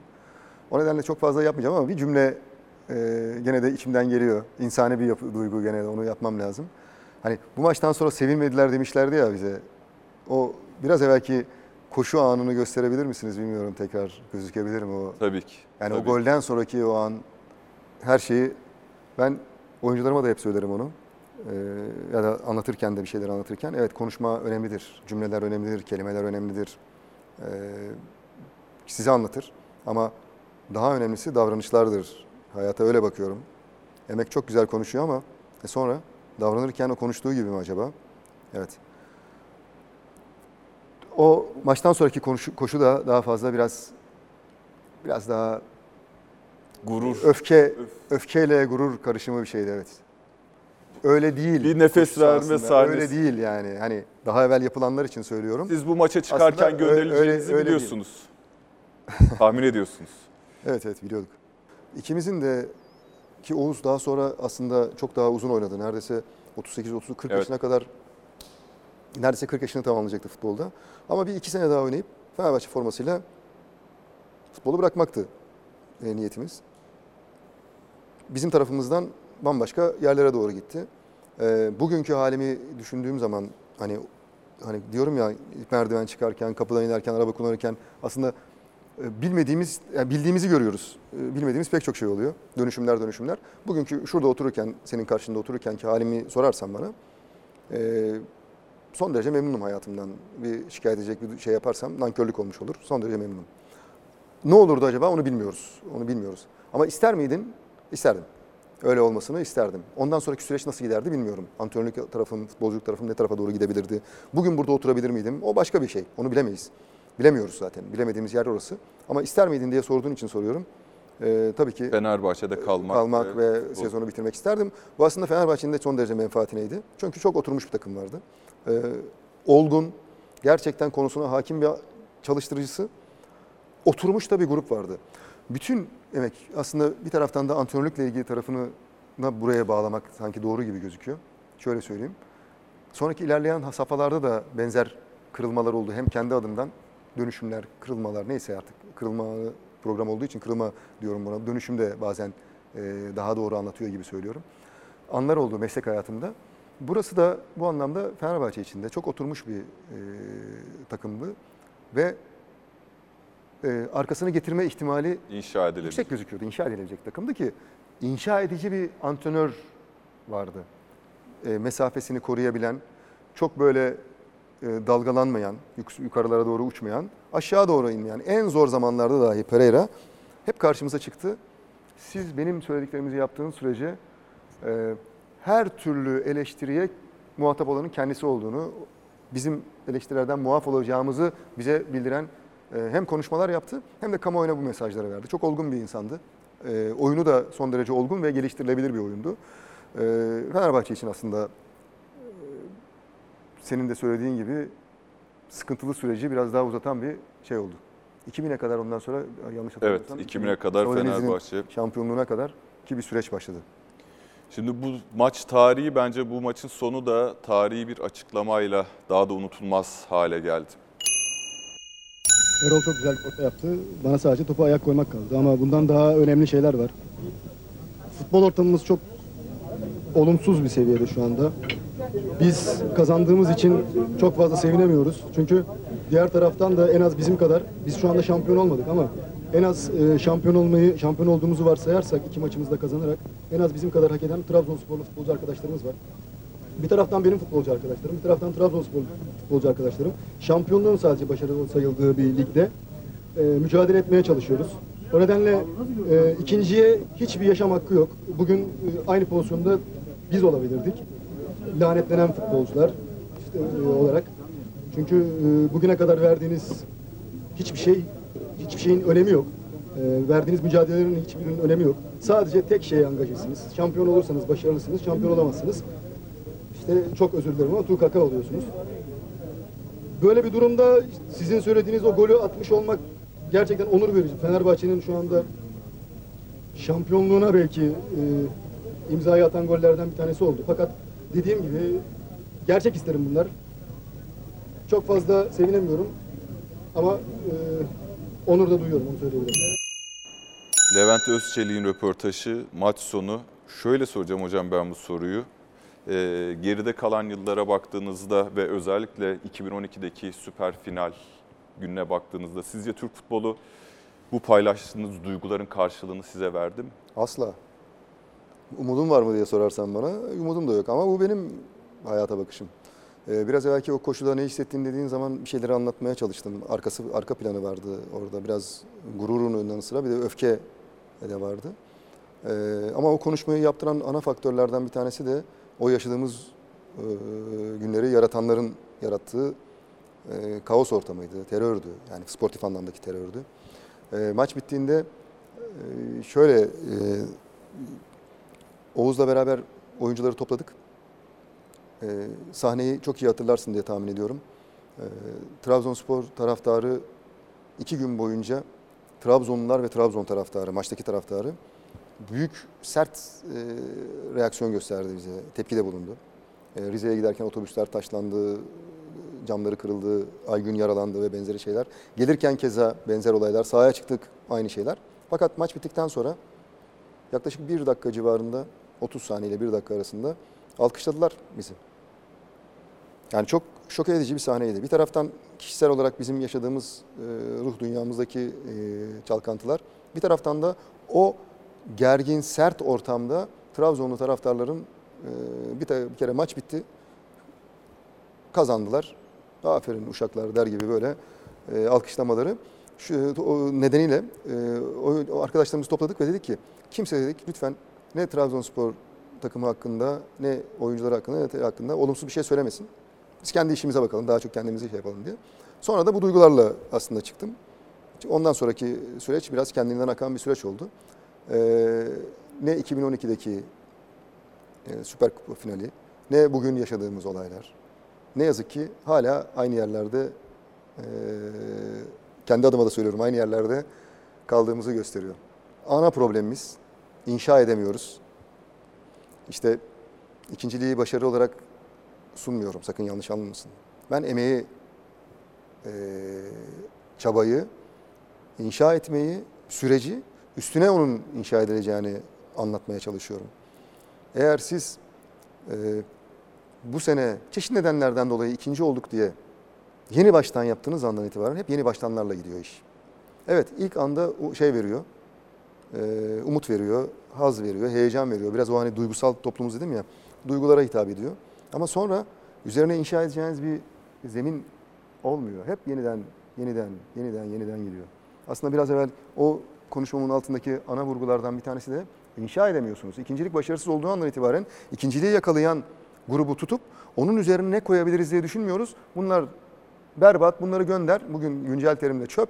Yeniden ortam değişmediği sürece çöpleşme olacaktır. Bu kadar basit. Bataklığı düzeltmezsen sivrisinek gelir. Önce bataklığın düzelmesi lazım. Sadece takımlara değil, Türk futbolunda da. Fenerbahçelileri çok mutlu eden bir şampiyonluk ancak birkaç gün sonra mutsuzluğa dönüşüyor bir açıdan. Birkaç gazete haberimiz var. Onlardan birisi Mayıs 96'da Fanatik gazetesi. Fener ikiye bölündü. Aykut Oğuz kavgası mutluluk kısa sürdü. Ve ardından da elveda Fener şeklinde Aykut Oğuz, Elveda Fener ki haber içeriği şöyle. Başkan Fenerbahçe kadrosunda yerimiz olmadığını açıkladı. Biz de ayrılmaya karar verdik. Kararımız kesindir ve geri dönüş olmayacaktır. Alişe'nin tarzının çok yanlış olduğuna da değinen Kocaman, Galatasaray, Kocaeli Spor ve İstanbul Spor'dan teklif aldıklarını başka bir takıma gitmeleri halinde lanetlenmemeleri gerektiğini söyledi. İlk insani refleks olarak Sayın Çetin'e dönüp hadi biz de Galatasaray'a gidelim demediniz mi?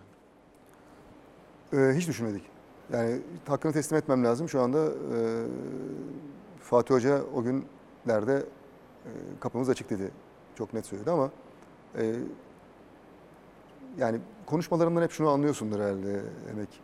Bir şey yaparken şimdi hala bu ayrım Fenerbahçe'de hala devam ediyor. Ne yazık ki yani hiçbir şey değişmemiş. E, bir tarafında da benim. Hiç, hiçbir şeyle alakam olmadığı, tamamen evde oturduğum halde, evde kaldığım halde e, bir tanesi de benim. Hala aynı e, davranış biçimi devam ediyor. Ama o günkü düşünce yapımızda, e, bugünkü düşünce yapısı tabii ki bir şeyler e, yenileniyor, değişiyor ve benzeri şeyler ama temel olarak aynıyız. E, hiç yani o, buradaki ayrılış artık bu 8 sene Fenerbahçe'de oynadık. Ve çok duygu yoğun geçti dönemimiz.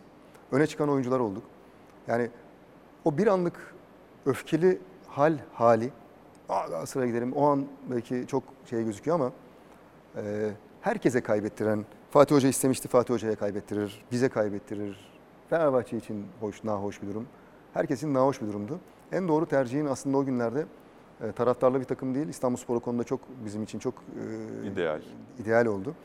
E, o günlerde sonra İstanbulspor da biraz taraftar oluşturmaya başladı ama böyle taraftarlı bir takım olmaması e, ve bunu bir şey çekişme haline getirecek olmaması e, özellikle e, benim o konudaki onu söylemem lazım. Oğuz'la e, karar verirken benim ağırlığım biraz daha e, bu düşünceden dolayı e, biraz daha İstanbulspor'daydı. Ondan sonra İstanbulspor'a gittik ve bizim için gerçekten bir ciddi bir e, rehabilitasyon yeri olduğu gibi ciddi bir de yuva oldu. Ben e, iki sene için gittiğim yerde 8 sene kaldım. Eğer TMSF e, el koymasaydı e, İstanbulspor'a çeşitli nedenlerden dolayı ben belki hala kulüp yaşasa İstanbulspor'da kalırdım yani. Ee, şimdi yine değerli bir güne gideceğiz. 14 Nisan 1997. 5 Kemalettin, 6 Halil İbrahim, 7 Tayfun, 8 Erol, 9 Boliç, 10 Okocha, 11 Kostadinov. Ve İstanbulspor kalede Haluk, 2 Music, 3 Nesim, 4 Gökhan, 5 Oğuz, 6 Zeman, 7 Hamza, 8 Gerson, 9 Fuat, 10 Saffet Akgüz, 11 Aykut. İşte Oğuz ve Aykut'a yoğun sevgi gösterileri. Bu sezonun ilk maçı İnönü'de. Siz sakatlığınız dolayı Oynamamıştım. seyredemiyorsunuz. Oğuz Çetin'e çok yoğun bir sevgi gösterisi var. Aslında siz de tahmin edebiliyorsunuz. İlk defa Fenerbahçe taraftarının önüne çıkacaksınız ve pozitif bir tepki alacaksınız. Ne hissediyordunuz? Ben o maçta yoktum. Ee, o maçtan sadece izlenimimi söyleyebilirim. Yani o bir kere oynayamadığım için ve çıkamadığım için üzüldü, üzgündüm bir kere her şeyden evvel. Oynayamamak bizdeki en büyük dertlerden, sakatlıktan dolayı oynayamamak en büyük dertlerden, futbolculukdaki en büyük dertlerden bir tanesidir, istenmeyen durumlardan. Ama aynı zamanda da öyle bir maçta gerçekten sahada olmak isterdim. Ee, o nedenle çok üzüldüm, onu söylemem lazım. Ama öbür taraftan da şunu söylemem lazım. Ee, bir futbolcuya verilecek en büyük armağanı, yani bir futbolcu için yapılacak en büyük gösterilerden bir tanesini Fenerbahçe taraftarı o gün Oğuz için yaptı. İnanılmaz bir yani e, gurur verici bir sahneydi arkadaşım adına. Siz burada ne hissettiniz? İlk kez tribünlere çağırdı. Ee, heyecan. Tepki bekliyor heyecan. muydunuz? Ee, Olumsuz anlamda. yani olayın safiyane gidişine bakılırsa tepki, olumsuz tepki beklemek mümkün değil. Ancak e, olaylar e, saptırılabilir mi korkusu tabii ki içimde yer etmedi desem yanlış bir şey söylemiş olurum. Siz Fenerbahçe'de iade itibar ne zaman hissettiniz? Ya da öyle bir itibarsızlaştığınızı gönderilirken hiç düşündünüz mü? E, yok düşünmedim yani iade itibar tarafına da çok yani işin e, çok duygusal tarafını e, var bende o duygusal tarafı yüksektir ama hemen bir adım sonra e, ne oluyor neden oluyor ne oldu tarafı biraz daha ağır basıyor. Hemen kendime bir şekilde e, ters tarafa doğru götürmesini becerebiliyorum diye düşünüyorum. O nedenle hiç düşünmedim bu kadar. Hocam biraz önce söylediniz. Ama şu tepkiyi yani mesela bir başkan bir daha bu kapın, kulübün kapısından giremezler e, dediği zaman bir basın mensubuna şu cevabı vermiştim. Yani bu geleceği kimse kurgulayamaz. Kimin girip kimin gireceğini belli olmaz diye e, bir yanıt vermiştim. E, ama öbür taraftan iade itibar ve benzeri şeyler çok böyle e, İtibar kalbimde ve zihnimde şey yer yapmadı. tutmadı yani. Efendim? İtibar kaybettirecek bir şey yapmadım. Yapmadım ya ben Evet. itibar kaybettirecek bir şey olduğunu hissettiğim anda zaten cezayı kendime kesebilecek insanlardan bir tanesiyim. Şimdi İstanbul Spor o dönem e, Cem Uzan'ın e, satın almasından sonra çok varlık içerisinde bir kulüp. Ama işler pek planlandığı gibi gitmiyor. 99-2000 sezonunu geldiğinde Aykut Kocaman belki bir kupa daha kazanmak için girdiği İstanbul Spor'da kendini hiç beklemediği bir pozisyonda oyuncu antrenör olarak buluyor. E, sizin nasıl bir yol haritanız vardı? Şöyle giderken. aslında e, an- ikinci bölüm e, yani antrenörlük tarafıyla bakarken dönüm noktası burasıdır. E, son senemi ben 200 golü tamamlamak için oynadım. Esas ana motivasyonum bunun üzerineydi. Artık takım e, küçülmüştü çok. E, Ziya Doğan göreve başlarken işte Fuat, Gökhan, ben üçlümüz, üçümüzdük daha fazla takımın abileri gibi. Bize de çok şey yapıyordu, inanıyor ve güveniyordu. Özellikle Gökhan'la da gel, geçmişten gelen şeyinden dolayı. Ee, o motivasyonum daha fazla 200 golü tamamlamaya yönelikti. Antrenörlük tarafına gelince bunu mutlaka söylemem lazım. Ee, değerlendirme yaptığım zaman bu tür konularda tekrar söylüyorum. Ee, biraz evvel de kaç defa üstüne basarak söylemeye çalıştım. Ee, bu meslekte bu kadar yoğun bir futbolculuk döneminden sonra bunu e, tamamlayacak hem mali olarak hem de manevi olarak tamamlayacak ana me- me- me- diğer meslek e, antrenörlük, teknik direktörlük. Hem e, gelirinizi aynı şekilde e, sürdürebilme ihtimalini ama aynı daha onunla beraber mesleğinizi de çok yoğun bir şekilde e, farklı bir tarafıyla da olsa yapabilme e, sunuyor. Ben kendime baktığım zaman bunu bu, bu anlamda antrenörlük tarafına baktığım zaman çeşitli nedenlerden dolayı onlara girmeyeyim şimdi uzar mesele. e, pek şey görmedim. Yeterli görmedim. Çünkü çok fazla kalabalığı kalabalık e, çok böyle e, içine girmeyi çok sevdiğim bir şey değil. Kendimi çok rahat hissetmem kalabalıkta. Bir hani futbol oynarken bu bir çocukluktan beri gelen bir şeydi ve yapıyorduk. Kalabalık var mı yok mu bunun dışına çıkabiliyordum. Ama antrenörlük tarafında öyle değil. Daha sakin, daha kenardasın ve e, o futbolculuk gibi bir meslek değil. Dolayısıyla birinci bölüm bu. Çok kalabalıkla. İkinci bölüm ben bir grubun içinde girip de bir grubu alıp onların çeşitli yöntemler falan filan ama kabaca söylüyorum bunu. İkna et, bir şeye bir, bir işe ikna et. Onlarla beraber bir yolculuğa çık. Bana çok e, benim yapabileceğim bir e, durum olarak gözükmüyordu. Ben Oğuz'u bu konuda yani Oğuz'la çok e, konuşuyorduk, tartışıyorduk futbolun sonlarına doğru. O mutlaka yapılma- yapılması gerektiğini e, söylerken ben ya sen tamam da ben pek değil diye biraz daha kenarda tutuyordum ki eğer son sene ben e, 200 gol motivasyonuyla oynadığım son sene ol e, başlamasam takım da çok başarılı başladığı bir sezonda tökezleyip sıkıntıya düşmese o günkü Adnan Sezgin e, Türkiye'deki az sayıdaki profesyonel yöneticilerden bir tanesiydi e, döneminin. Yani e, antrenör değiştirebiliyor, işte oyuncu alabiliyor ve benzeri şeylerden dolayı. Profesyonel yöneticilerden bir tanesi Adnan Sezgin olup da e, bana yapar mısın, girer misin bu işe demese benim de bütün bu kendimle ilgili e, olumsuz e, saydığım, antrenörlük için olumsuz gördüğüm, yapamam diye düşündüğüm şeyler bir kenara aidiyet duygum olmasa İstanbul Spor'da 4 sene 5 senedir İstanbul 4 senedir İstanbul Spor'dayım. Bize kucak açtılar deyip ya takım küme düşüyor şimdi ben durup dururken ne yapayım değil. Ya ne olacaksa olsun. Ee, o şeyim olmasa, duygum olmasa antrenöre başlama ihtimalim belki sıfıra yakındı. Tamamen Adnan Sezgin'in takımın sıkıntısıyla Ziya Doğan'a da uzun süre benim bildiğim kadarıyla devam etmesi için e, çok e, telkinlerde bulundu ama Ziya Hoca artık o günkü şartlarda devam etmek istemediğini söyledi. Adnan Sezgin bir karar vermesi gerekiyordu. Ya dışarıdan bir antrenör bulacak, son 7 haftaya macera diyelim buna, e, bir macera gözüyle bakacak. Ya da takımın içinden tecrübeli birisi. Gökhan'la ikimize teklif etti. Gökhan biraz kenarda durmak istedi. Ben tamam dedim. Ondan sonra da e, gözümü kararttım girdim. Yani bu şekilde girmesem girme ihtimalim çok daha az gözüküyordu bu mesleğe. Futbol tarihinde eşi benzeri görülmemiş bir olay var. Sırada 29 Nisan 2000 200. gol. Evet. Yani Aykut Kocaman antrenör olarak maçın bir Trabzonspor maçının ikinci Trabzonspor. yarısında kendisini oyuna alır ve olaylar gelişir. Aykut'a bırakıyor. Aykut mükemmel bir gol. 90. dakika. Aykut'un 200. gol imzası attığı olmuş. 200. gol. Ve Metin Oktay'la Tanju Çolak'tan sonra 200'ler kulübünde artık Aykut Kocaman'ın da adı var. Neden İstanbul sağ ayak değil? Güçlü rakibi karşısında gole doymuyor. Çünkü Tabii sağ ayak bir bulamadım 200. oradan. golü bulmayı e, umut etmiyordum. Dediğim gibi biraz evvel tamamen amacımız kazanmaktı. E, böyle 200. olay golü geçtiği atarken dahi- Şu anda mutluyum. Bu maç öncesi gol sayınız 197 oyuna girip hat-trick yapıyorsunuz hocam. Bu da 200. golünüz. Ee, ne diyeceksiniz? Yani şöyle bir şey ben aslında bu golü şimdi çok gol de çok özel ben seyrettim tabii ki Gol- ama buradan antrenörlükle bağlantısını kuracaktım. Gol imza gol olmuş yani. Sen benim hayatımda e, yani hem iyi tarafım hem de olumsuz tarafım meslek hayatımdaki futbolculuk takımı meslek hayatımda. O e, vuruşu güzelleştirirken kaçırdığım çok şeyler vardı ama başardıklarım da böyle e, çok güzel anılar olarak hem benim hafızalarımda hem de seyredenlerin hafızalarında kalıyor.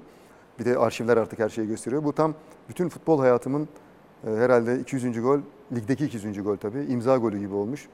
E, muazzam bir görsel En güzel kaçırdığınız gol hangisiydi? Şöyle e, bir ufak bir istersen bunları seyrederken benim de başka şeyler e, çağrışıyor. Kendimle ilgili, dönemle ilgili. E, Rize Spor maçından sonra yaptığım konuşmaya benzer bir konuşma olmuş neredeyse ilk maçımdan sonra. İşte takımın başarısı, takımın mutluluğu. Orada 200. golü atıyorum. Bakın son senem ben 200. gol 200 golü tamamlamak için yani kendimle yarıştım orada. E, kimseyi geçmek değildi niyetim. Kimseden geri kalmak ya da o değildi. 200 gol barajı, 100 gol barajı geçilmişti çok e, kişi tarafından. Ama 200 gol barajını geçen sadece iki oyuncu vardı. E, Metin Oktay ve Tanju Çolak. Ben de 200 gol barajına yaklaşabilir miyim diye oynadığım bir seneydi. E, o durumda dahi e, vurgum kazandık. Kazandığımız için mutluyuz. Takım kazanması önemli. Çünkü küme düşme hattındaydık. Evet antrenörlük tarafına gelirsek Şöyle soracağım hocam. Şimdi siz adalete çok büyük bir inancınız var. Kardeşiniz Erkut Bey de Kocaman Bir Adam kitabında Barış Tutun 2004 basımı. Burada diyor ki abim futbolcu olmasaydı yargıç olurdu diyor. O kadar adalet düşkünü bir insan. Bir sözünüz daha var. Futbolcular sadece maç yapmak için değil antrenman için de para alırlar şeklinde. Ee, siz peki şimdi hem adaleti hem futbolcu olarak kulübe karşı adaleti antrenman yapmak durumundasınız. Bu içinizdeki adalet dengesini futbolcu antrenör olarak nasıl korudunuz bu 7 haftalık periyot içinde? Bu tamamen içgüdülerle hareket etmek. Yani yaşadığım günler, edindiklerim, var olan e, bireysel e, futbolun dışındaki e, düşünce ve davranış kalıplarım e, hepsini yan yana getirmeye çalıştık. Mümkün değil. Yani bir kere ne eşitlikçi davranabilmek ne de adaletli davranabilmek, yüzde yüz tabii bunu davranabilmek mümkün değil. Ama bunu mümkün olduğu kadar anlaşılabilir halde yapabiliyorsanız zaten oyuncu dediğiniz kişiler de insanlar e, %90'ı diyeyim, 95'i hatta karşıdaki kişinin samimiyetini, içtenliğini anladığı andan itibaren yani karar verme aşamasında kasıtlı değil, tamamen mesleki sahiplerle ya da kendine ait duygulardan dolayı bunu yapıyor duygusunu yaratabildiyseniz zaten işi e, bir şekilde e, toparlamış veya anlatmış oluyorsunuz. Ama o sahne benim antrenörlük deneyimim hiç yok. Yani bu sahnede bir bu maçta bir sahneyi anlatayım sana. Çok e, şey iki hafta ben e, sakattım zaten ama kadroya yazmak zorundaydım kendimi. Sonra üçüncü haftadan itibaren sakatlığım geçti fakat oynamıyorum. E, Trabzonspor maçına geldik. E, takım ilk yarıda inanılmaz iyi oynadı. Yani yağmur gibi. Trabzonspor üçüncülük için oynuyordu. Yağmur gibi oynuyoruz. Gol pozisyonuna giriyoruz. Atamadık bir türlü. Bir şey yapmam lazım. Dedim kendimi sokayım oyuna bari. Bakın ondan evvelki 3 veya 4 maç oynamıştık. Dördüncü maçtı galiba Trabzonspor maçı. Bir dakika bile oynamadım. Bir dakika. Yani bir taraftan da şunu söylemem lazım, şunu ekleyeyim. Futbolculuk yani ego, yetenek Yetenekli olduğunu düşünüyorsun. İşte buralara kadar gelmenin ana yollarından bir tanesi en başta sormuştun. Kendini farklı hissettin mi? Kendini ne kadar farklı hissetmesen de yeteneğin olduğunu biliyorsun ama. Yani yarışa yarışa e, arkadaşlarımdan çok iyiyim diye düşünmesem de ama onlar kadar iyiyim, onlar kadar onlar gibiyim. Araya dolayısıyla bir ego olmadan olmaz e, oyunculukta. E şimdi antrenörlük tarafına da geçtiği andan itibaren kendini oynamak istiyorsun. Ama öbür taraftan da takım küme düşme hattında. Kendini oynatırken doğru mu acaba duygularıyla bu maçta ikinci yarıda kendimi sokma durumuna geldim. Çok payosuna girdik. Yani bu devam ederse atarım duygusu vardı. Ben yani atarım yani bir şekilde atarım diye düşündüm. 1-0'da geride girdik maça. Ee, şöyle küçük bir Bayrampaşa'da çok küçük bir e, soyunma odası var böyle. Neyse e, klasik olarak davranış biçimi olarak e, oyuncuları oturtturdum. Sakinleşmelerini söyledim. Sakinleştiler falan filan. Tam da eşofmanlar var üstünde. Eşofmanlarla beraber duruyorum. Sonra birkaç bir şey cümle söyledim işte. Sen şöyle yap ben şöyle yapayım. Bir şey yapmamız lazım. Biraz moral yükseltici e, konuşmalar yaptık. Timur'la karşı karşıya göz göze geldik. Timur'u çıkaracağım oyundan. Timur dedim sen çıkıyorsun ben giriyorum oyuna dedim. Timur'a da Timur'a söylüyorum. ben gireceğim diye. Neyse çocuklar dedim siz şey yapın oturun e, dinlenmeye devam edin. Ben yük, e, şeye e, sahaya gideyim biraz ısınayım dedim. Sonra oyuna başladık. Oyun başladıktan sonraki süreçte işte sonra Sertan bir tane attı, Emre bir tane attı. Bir anda iki tane gol arka arkaya gelince 2-1 öne geçtik. 2-1'e geçince Trabzonspor oyunu tamamen bıraktı. Çok oyuncular dağıldılar. E, arka arkaya güven 3 tane asist yaptı bana. Üçüncüsü de işte biraz evvel sizin gösterdiğiniz bir imza gol olarak e, şeyimi bitirdi. Bir soruyu soracağım. Belki biliyorsundur mutlaka. 3 gol attım. Ee, maçı 5-1 kazandık. Ertesi hafta ne oldu? Ankara gücü maçında. Yok, Ankara gücü deplasmanına gittik. Ee, yine oynamadım. Ee, tamamen şu duyguyu vermek istedim. İşte biraz evvel adalet duygusu, eşitlikçi de- dedim ve bir de aynı zamanda aidiyet duygusu e, bir araya geldiği için şu mesajı anlamalarını istedim oyuncular. Hani ben konuşarak değil, bunu davranarak göstermek istedim. Ee, en başında e, vurguladığım gibi konuşmalar önemli ama davranışlar daha önemli. En az konuşmalar kadar önemli, bence davranışlar daha önemli. Konuştuğun gibi davranabiliyorsan e, doğrudur diye düşündüm. Ee, yine yanılmıyorsam Sertan'la Demirovic e, galiba. E, Demirovic oyuna başladılar e, forvet olarak. Yine 3 gol attıktan sonraki maçta dahi kendimi oynatmayı oyuncularımın performansını artırabilmek için istememiştim. Hocam şimdi İstanbul Spor dönemi dediğiniz gibi 2 sene beklerken 8 senelik uzun bir süreç. 2003-2004 sezonu da çok olağanüstü bir e, sezon İstanbul Spor için. E, yani deplasmana otobüsle gitmek zorunda kaldığınız dönemler bile oluyor. 6 Şubat 2004 Milliyet Gazetesi Aykut Kocaman geri döndü. İstanbulspor'da yaşanan maddi sıkıntılar nedeniyle istifa eden teknik direktör Aykut Kocaman geri, görevine geri döndü ki bu dönem içerisinde değişik enstantaneler de var. Takımı balkondan takip ettiğiniz, Evet. yani fiilen görev yap ya da resmi olarak görev yapmadığınız aidiyet duygusundan sürekli bahsediyorsunuz ve bir aidiyet duygusunun yeniden yükseğe çıktığı e, İstanbulspor'dan ayrılmadığınız bir dönem. Peki bu duygusal aldığınız kararlardan size zarar veren oldu mu? En çok pişman olduğunuz kararınız nedir? Ee, böyle şöyle bu soru geldiği zaman tabii e, çok e, e, Rıdvan'ın bu konuda müthiş bir yetisi vardır. Yani dınk diye çıkarır şeyi. Ben böyle kolay çıkarabilen bir yapım yok. Ee, ama duygusal duygularıyla karar verdin mi diye sorarsan e, evet zaman zaman verdim. E, şöyle söylemem lazım. Yani daha doğrusu sanki şunu şu bu sorunun doğru cevabı şu oluyor. Evet duygusal karar veriyorum ama bir adım sonra bir hani o an karar anı değilse bir adım sonra hemen onu bir kendi içimde bir kontrolünü tekrar yapmaya çalışıyorum. Ama ben e, yaşamımda şunu gördüm ve öğrendim. Hala da öğrenmeye çalışıyorum. Öğrendim çok ağır bir kelime yani e, kolay bir şey değil. Öğrenmeye çalışıyorum. E, duygularla veya akılla karar çeşitli şeyleri yan yana getirip bir karar verdikten sonra e, sonuçlarına katlanabiliyorum yani. O sonuçlarıyla ilgili bir keş, ondan sonra keşke demenin anlamı yok. Tabii ki örneğin e, duyguyla karar vermeseydim 2017-2018 sezonunda e, Konyaspor'un en iyi döneminden ayrılıp Fenerbahçe'nin sıkıntılı bir döneminde kolay kolay gelmezdim. Bir sene daha beklerdim. Bir, sözleşmem bittikten sonra bir sene daha beklerdim. Sıkıntılı bir dönemdi. Ee, çok da makine gibi bir takımım vardı e, Konya'da. Ee, oradaki kararım duyguyla verilmiş bir karardı. Çok net bir şekilde hatta söyledim de.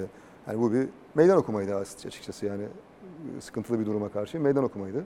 Yani benim gibi daha çok e, özellikle antrenörlük yaşamına girdikten sonra e, ne oluyor, neden oluyor sorusunu sürekli arayan birisi için ne olabilir, nasıl yapılabilir doğru giden e, bir kafa için e, baktığın zaman karar açısından mantıklı olarak çok doğru bir karar olmayabilirdi. Ama Fenerbahçe'nin ihtiyacı vardı. İhtiyacı olduğunu söylemişlerdi. Ben de hiç e, düşünmeden karar verdim. 2004-2005 Malatya Spor, 2005-2006 Konya Spor. Tam bir sezonu tamamlıyorsunuz orada Malatya'da 25 hafta. Ankara Spor'da 3 sezon ki Ankara Spor herhalde e, ülke futbolunun Aykut Kocaman futboluyla tanıştığı evet. kulüp olarak düşünüyorum ve 4 Ekim 2000'de bir Futbol Net programı yine sizle birlikte buradaydık. E, buraya yakın bir stüdyodaydık. Murat Kosova'nın programına katılıyorsunuz ve o, orada Murat Kosova'nın sorusuna şöyle bir cevap veriyorsunuz. Futbol oynarken tarzınız son derece teknik ve seyir açısından çok iyiydi. İstanbul Spor'a daysa daha fiziğe dayalı düz ve disiplinli bir futbol oynatıyorsunuz. Bu futbol yapısına oyun tarzınızı hatırlatan, göze hoş gelen, yaratıcı, araştırıcı bir futbol yapısını monte edebilecek misiniz? Bu bir izleyici sorusu. Aykut Kocaman da şöyle diyor. Ben futbolun iki ayağı olduğunu düşünüyorum. Hep onu söylüyorum üstüne basarak. Futbol sadece atak oyunu değil, futbol sadece sağ oyunu da değil. Futbol atakla savunmanın iç içe geçtiği, gerektiği zaman iyi savunma yapan, gerektiği zaman da iyi atak yapan bir takımın iyi olduğu bir oyun diye düşünüyorum. Ne kadar tanıdık, tanıdık hocam 22 sene önce. Evet. Siz hala bu durumu Türk futbol izleyicisine anlatmaya çalışıyorsunuz. Ee, evet. Neden anlatamadınız? Kazandığınız şampiyonluğa, kazandığınız kupalara, bunu Konyaspor'da da yapmış olmanıza rağmen.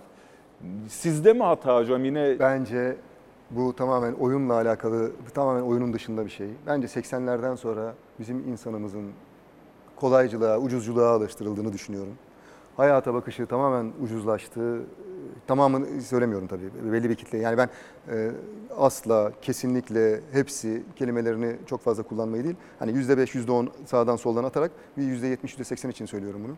80'li yıllardan sonra e, Türk insanının hayata bakışının tamamen tüketmeye ve e, üretmekten çok tüketmeye, e, çalışmaktan çok e, ve akıldan çok coşkuya doğru dönüştürüldüğünü düşünüyorum. Kişisel olarak düşüneceğim bu.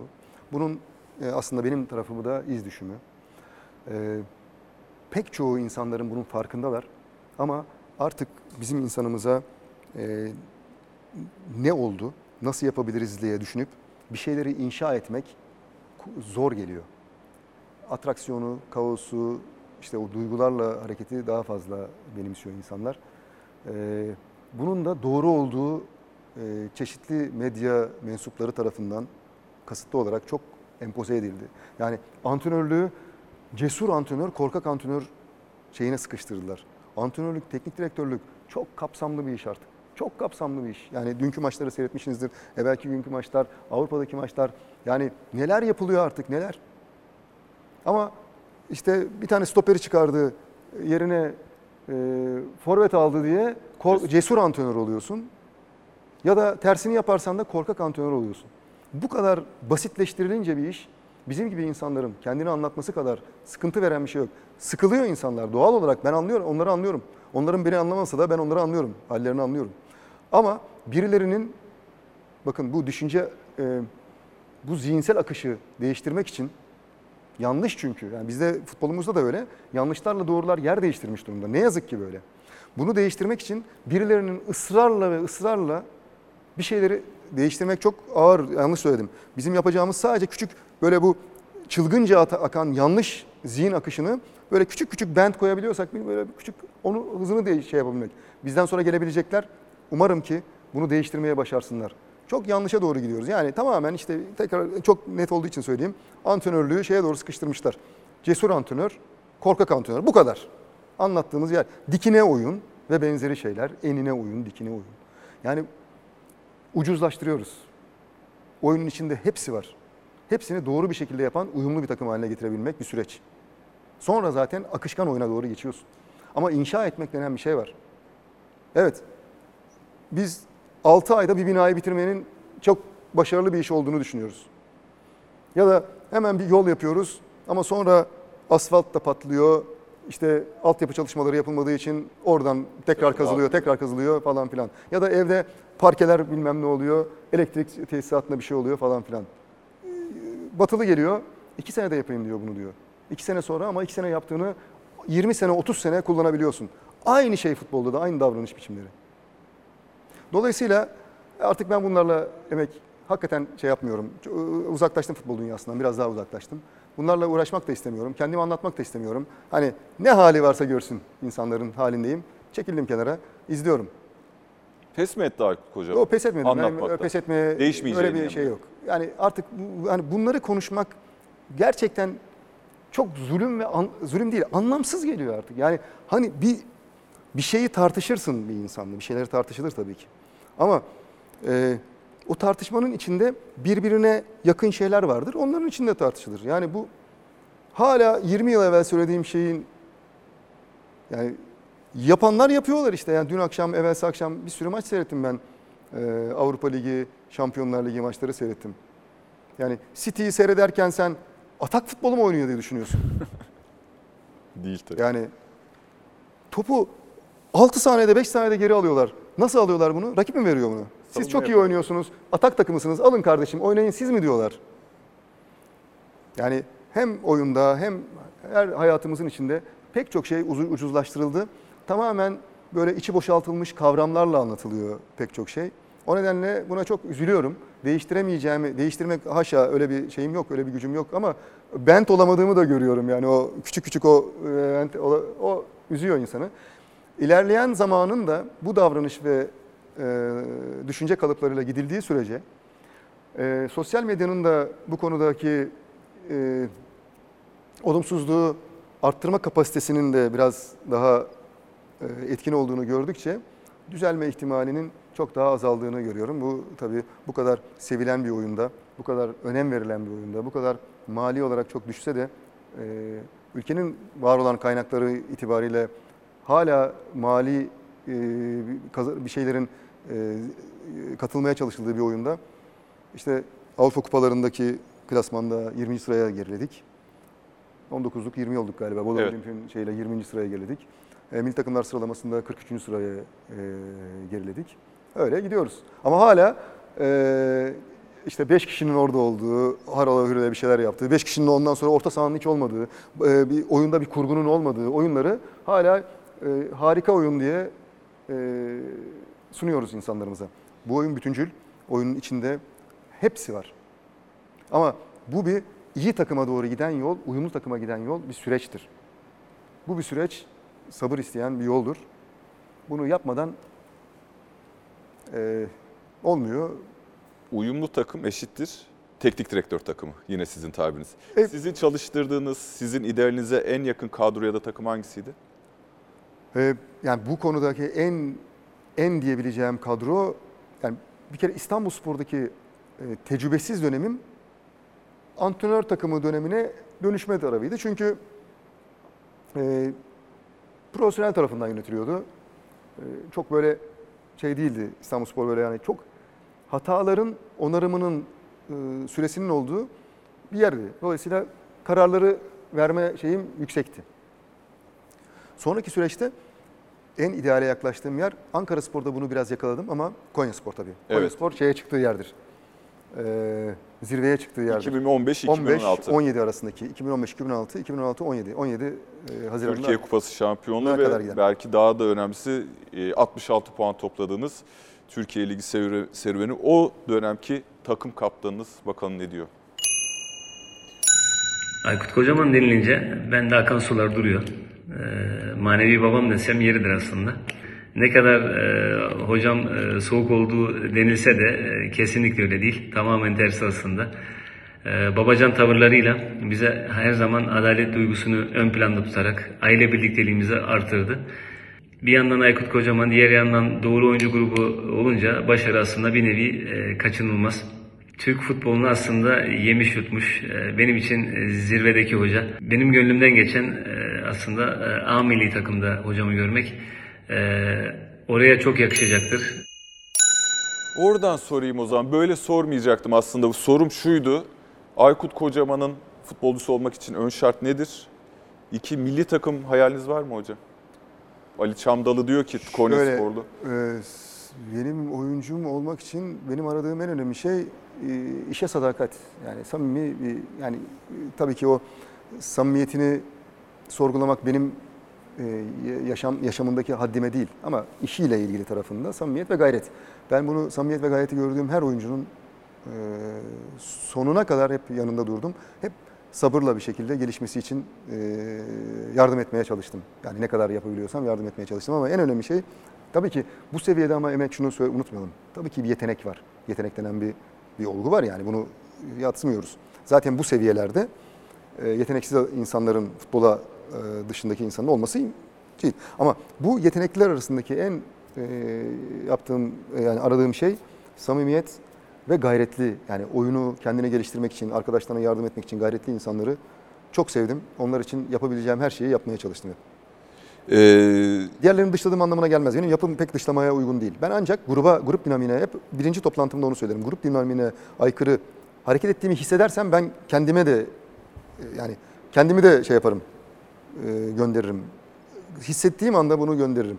Ama grubun içinde de adı, sanı, grup dinamiğine aykırı tabii ki imtiyazlar var oyunda. Bu iş yetenek oyunu. Buna hiç kimse itiraz edemez. Yeteneklilerin yaptığı bir iş. Egosu yüksek e, kişiler, oyuncular tabii ki. Doğal olarak yetenekli insanlar. Çok kazanıyorlar ve benzeri şeyler.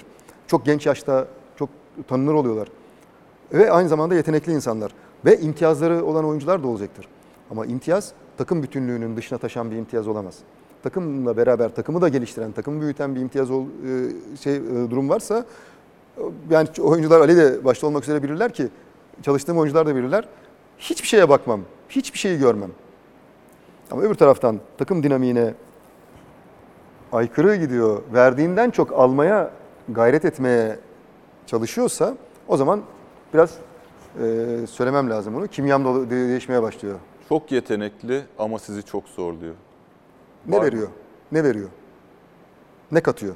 Çok şey katıyor ama Çok şey katıyorsa, çok, çok, şey katıyorsa sadece Aykut Kocaman değil, takım arkadaşları da onu e, şey yapar, benimser. Var mı futbolculuğunuzda ya da teknik adamlığınızda böyle bir örnek? Yani şöyle çok ge- geçiyor emek. Çok çok yetenekliydi ama olmadı. Çok yetenekliydi ama olmadı. Bunu aslında şu anda kült bir sürü isim var. Daha da fazlasını verecek isimler de var. Onlar için de söyleyebiliriz.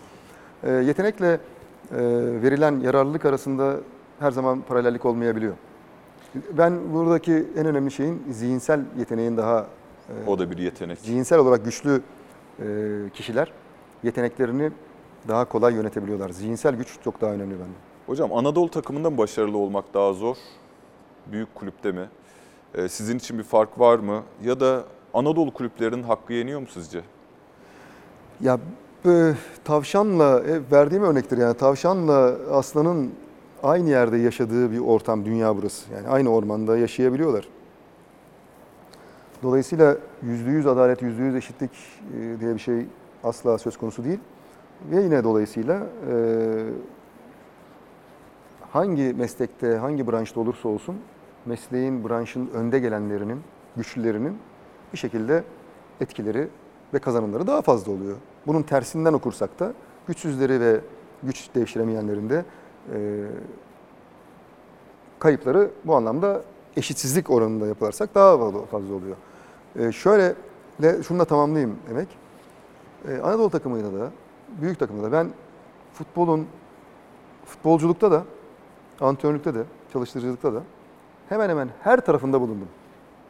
Yani en zayıf takımda da oynadım. En güçlü takımda da oynadım. En zayıf takımlarla da e, mali anlamda özellikle çalıştırıcılık yaptım, sorumluluk yaptım. En güçlüsünde de sorumluluk yaptım. Fark neydi diye sorduğun zaman fark aslında hiç yok. Çapı farkı. Aslında sorunlar hep aynı. Yani insanlar, oyunun dinamikleri, e, çevresel faktörler ve benzeri şeyler hepsi aslında birbirini tamamlayan, birbirine benzer şeyler. Fark nerede? Fark çaplarında. Büyük takımların sorunları da büyük oluyor. Benzer sorunlar daha büyük şekilde yaşanıyor. Küçük takımlar dersek ona, hani teşbihte hata olmaz lütfen mazur görsün izleyenler de. Ee, küçük takımlardaki sorunlar da aynı sorunlar ama çapları daha küçük takımlar diye başladığım için öyle devam edeyim. Küçük takımlarda sorunu çözmekle büyük takımdaki sorunu çözmek arasında fark da şu oluyor. Büyük takımda sorun çözerken daha farklı e, şeylere sahipsin. Daha büyük sorunu daha büyük geniş yetkilerle ve olanaklarla çözme ihtimaline sahipsin. Aynı sorun küçük takımda aslında e, benzer bir şekilde çözebilme e, kabiliyetindeki azlık veya çokluk sayıyı belirliyor. Aslında hiç değişen hiçbir şey yok. Hocam şunu sormadan edemeyeceğim. Çok kararsız kaldım size. Milli takımla ilgili de onu söyleyeyim. Milli takımla ilgili kısmını da e, yine başka bir soruyla alacağım Tamam. sizden.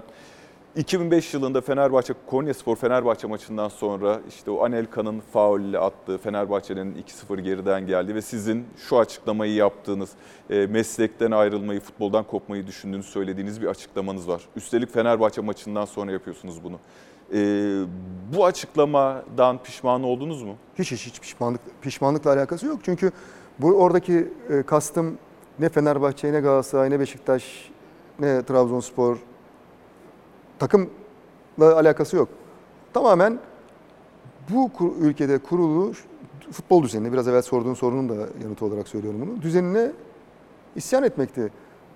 Günler boyunca Fenerbahçe'yi incelemişiz, incelemişiz, incelemişiz. Rakip takımı diyelim buna. Fenerbahçe olması önemli değil. Aslında benim hani var var e, benim aklımdaki bir insanın en azından böyle bir davranış yani birikmiş bir şey olmasa Fenerbahçe'ye karşı yapmayacağını herkes tahmin eder herhalde. En azından takım seçeceksem Fenerbahçe'ye karşı yapmam bunu. Çünkü o kadar olmasa da, o seviyede olmasa da benzer e, yakın haksızlıklar çok şeye çıkmıştı yani çok görünen bir şeyi görmemesi çok e, ne diyelim tepki tepkiselliği çok arttırdı. Sadece bende değil, bütün herkeste arttırdı. E, herhalde bunu fark edecek e, bir aklı selime sahip olduğumu düşünüyorum. Orada benim aklımda olan ne Fenerbahçe'ydi, ne Galatasaray, ne Beşiktaş'tı. Tamamen e, çalışmaya ve üretmeye bu kadar mı uzak olur bir ülke? Çalıştık, çalıştık, çalıştık. Zaaflarını verirdik rakibimizin. Ona uygun bir şeyler yaptık. Ve hepsi de her şeyde tuttu. Ama en son bir sahneden sonra bir anda bir yıkıma doğru geçilen bir hal oldu. Mesele orada Fenerbahçe meselesi değildi. Pişmanlık diye bir şey yok. Ben hala biraz evvelki bütün konuşmalarımın altından bakarsan işte Trabzonspor maçının sonraki konuşmayı da getirdim. E, maçlardan sonraki bazı konuşmalarımı da veriyorsun. Her şey ve ben mümkün olduğu kadar adaletli ve eşitlikçi bir düzenden olmasını düşündüğü, o, e, diliyorum ve istiyorum. Bunun çünkü bireysel olarak sadece bana değil, toplumsal olarak hepimizin kalkınmasına fayda sağlayacağını düşünüyorum. Eşitlikçi bir yarışın nispeten bakın tekrar söylüyorum. Aslanla e, tavşanın bir arada olduğu bir yerde eşitlikten söz edemeyiz. Ama şu olmamalı. Bir avcı gelip tavşanı vurup aslanın önüne atmasın. Bırak tavşan kaçabileceği kadar kaçsın ya da tavşan m, metaforuyla söyleyeyim başka bir şey de Doğru, olabilir. doğru mu? Kaçabiliyorsa kaçsın. E, aslanla avlamak açlığını e, yatıştırmak istiyorsa güçlü zaten o. Açlığını yatıştırmak istiyorsa onu avlamak için mücadele etsin. Meselenin özü bu. Onun için e, amacım orada o değildi. Olamaz zaten. Yani yaşadıklarımdan sonra herhalde bunu söylememe gerek yok. Amacım o değildi.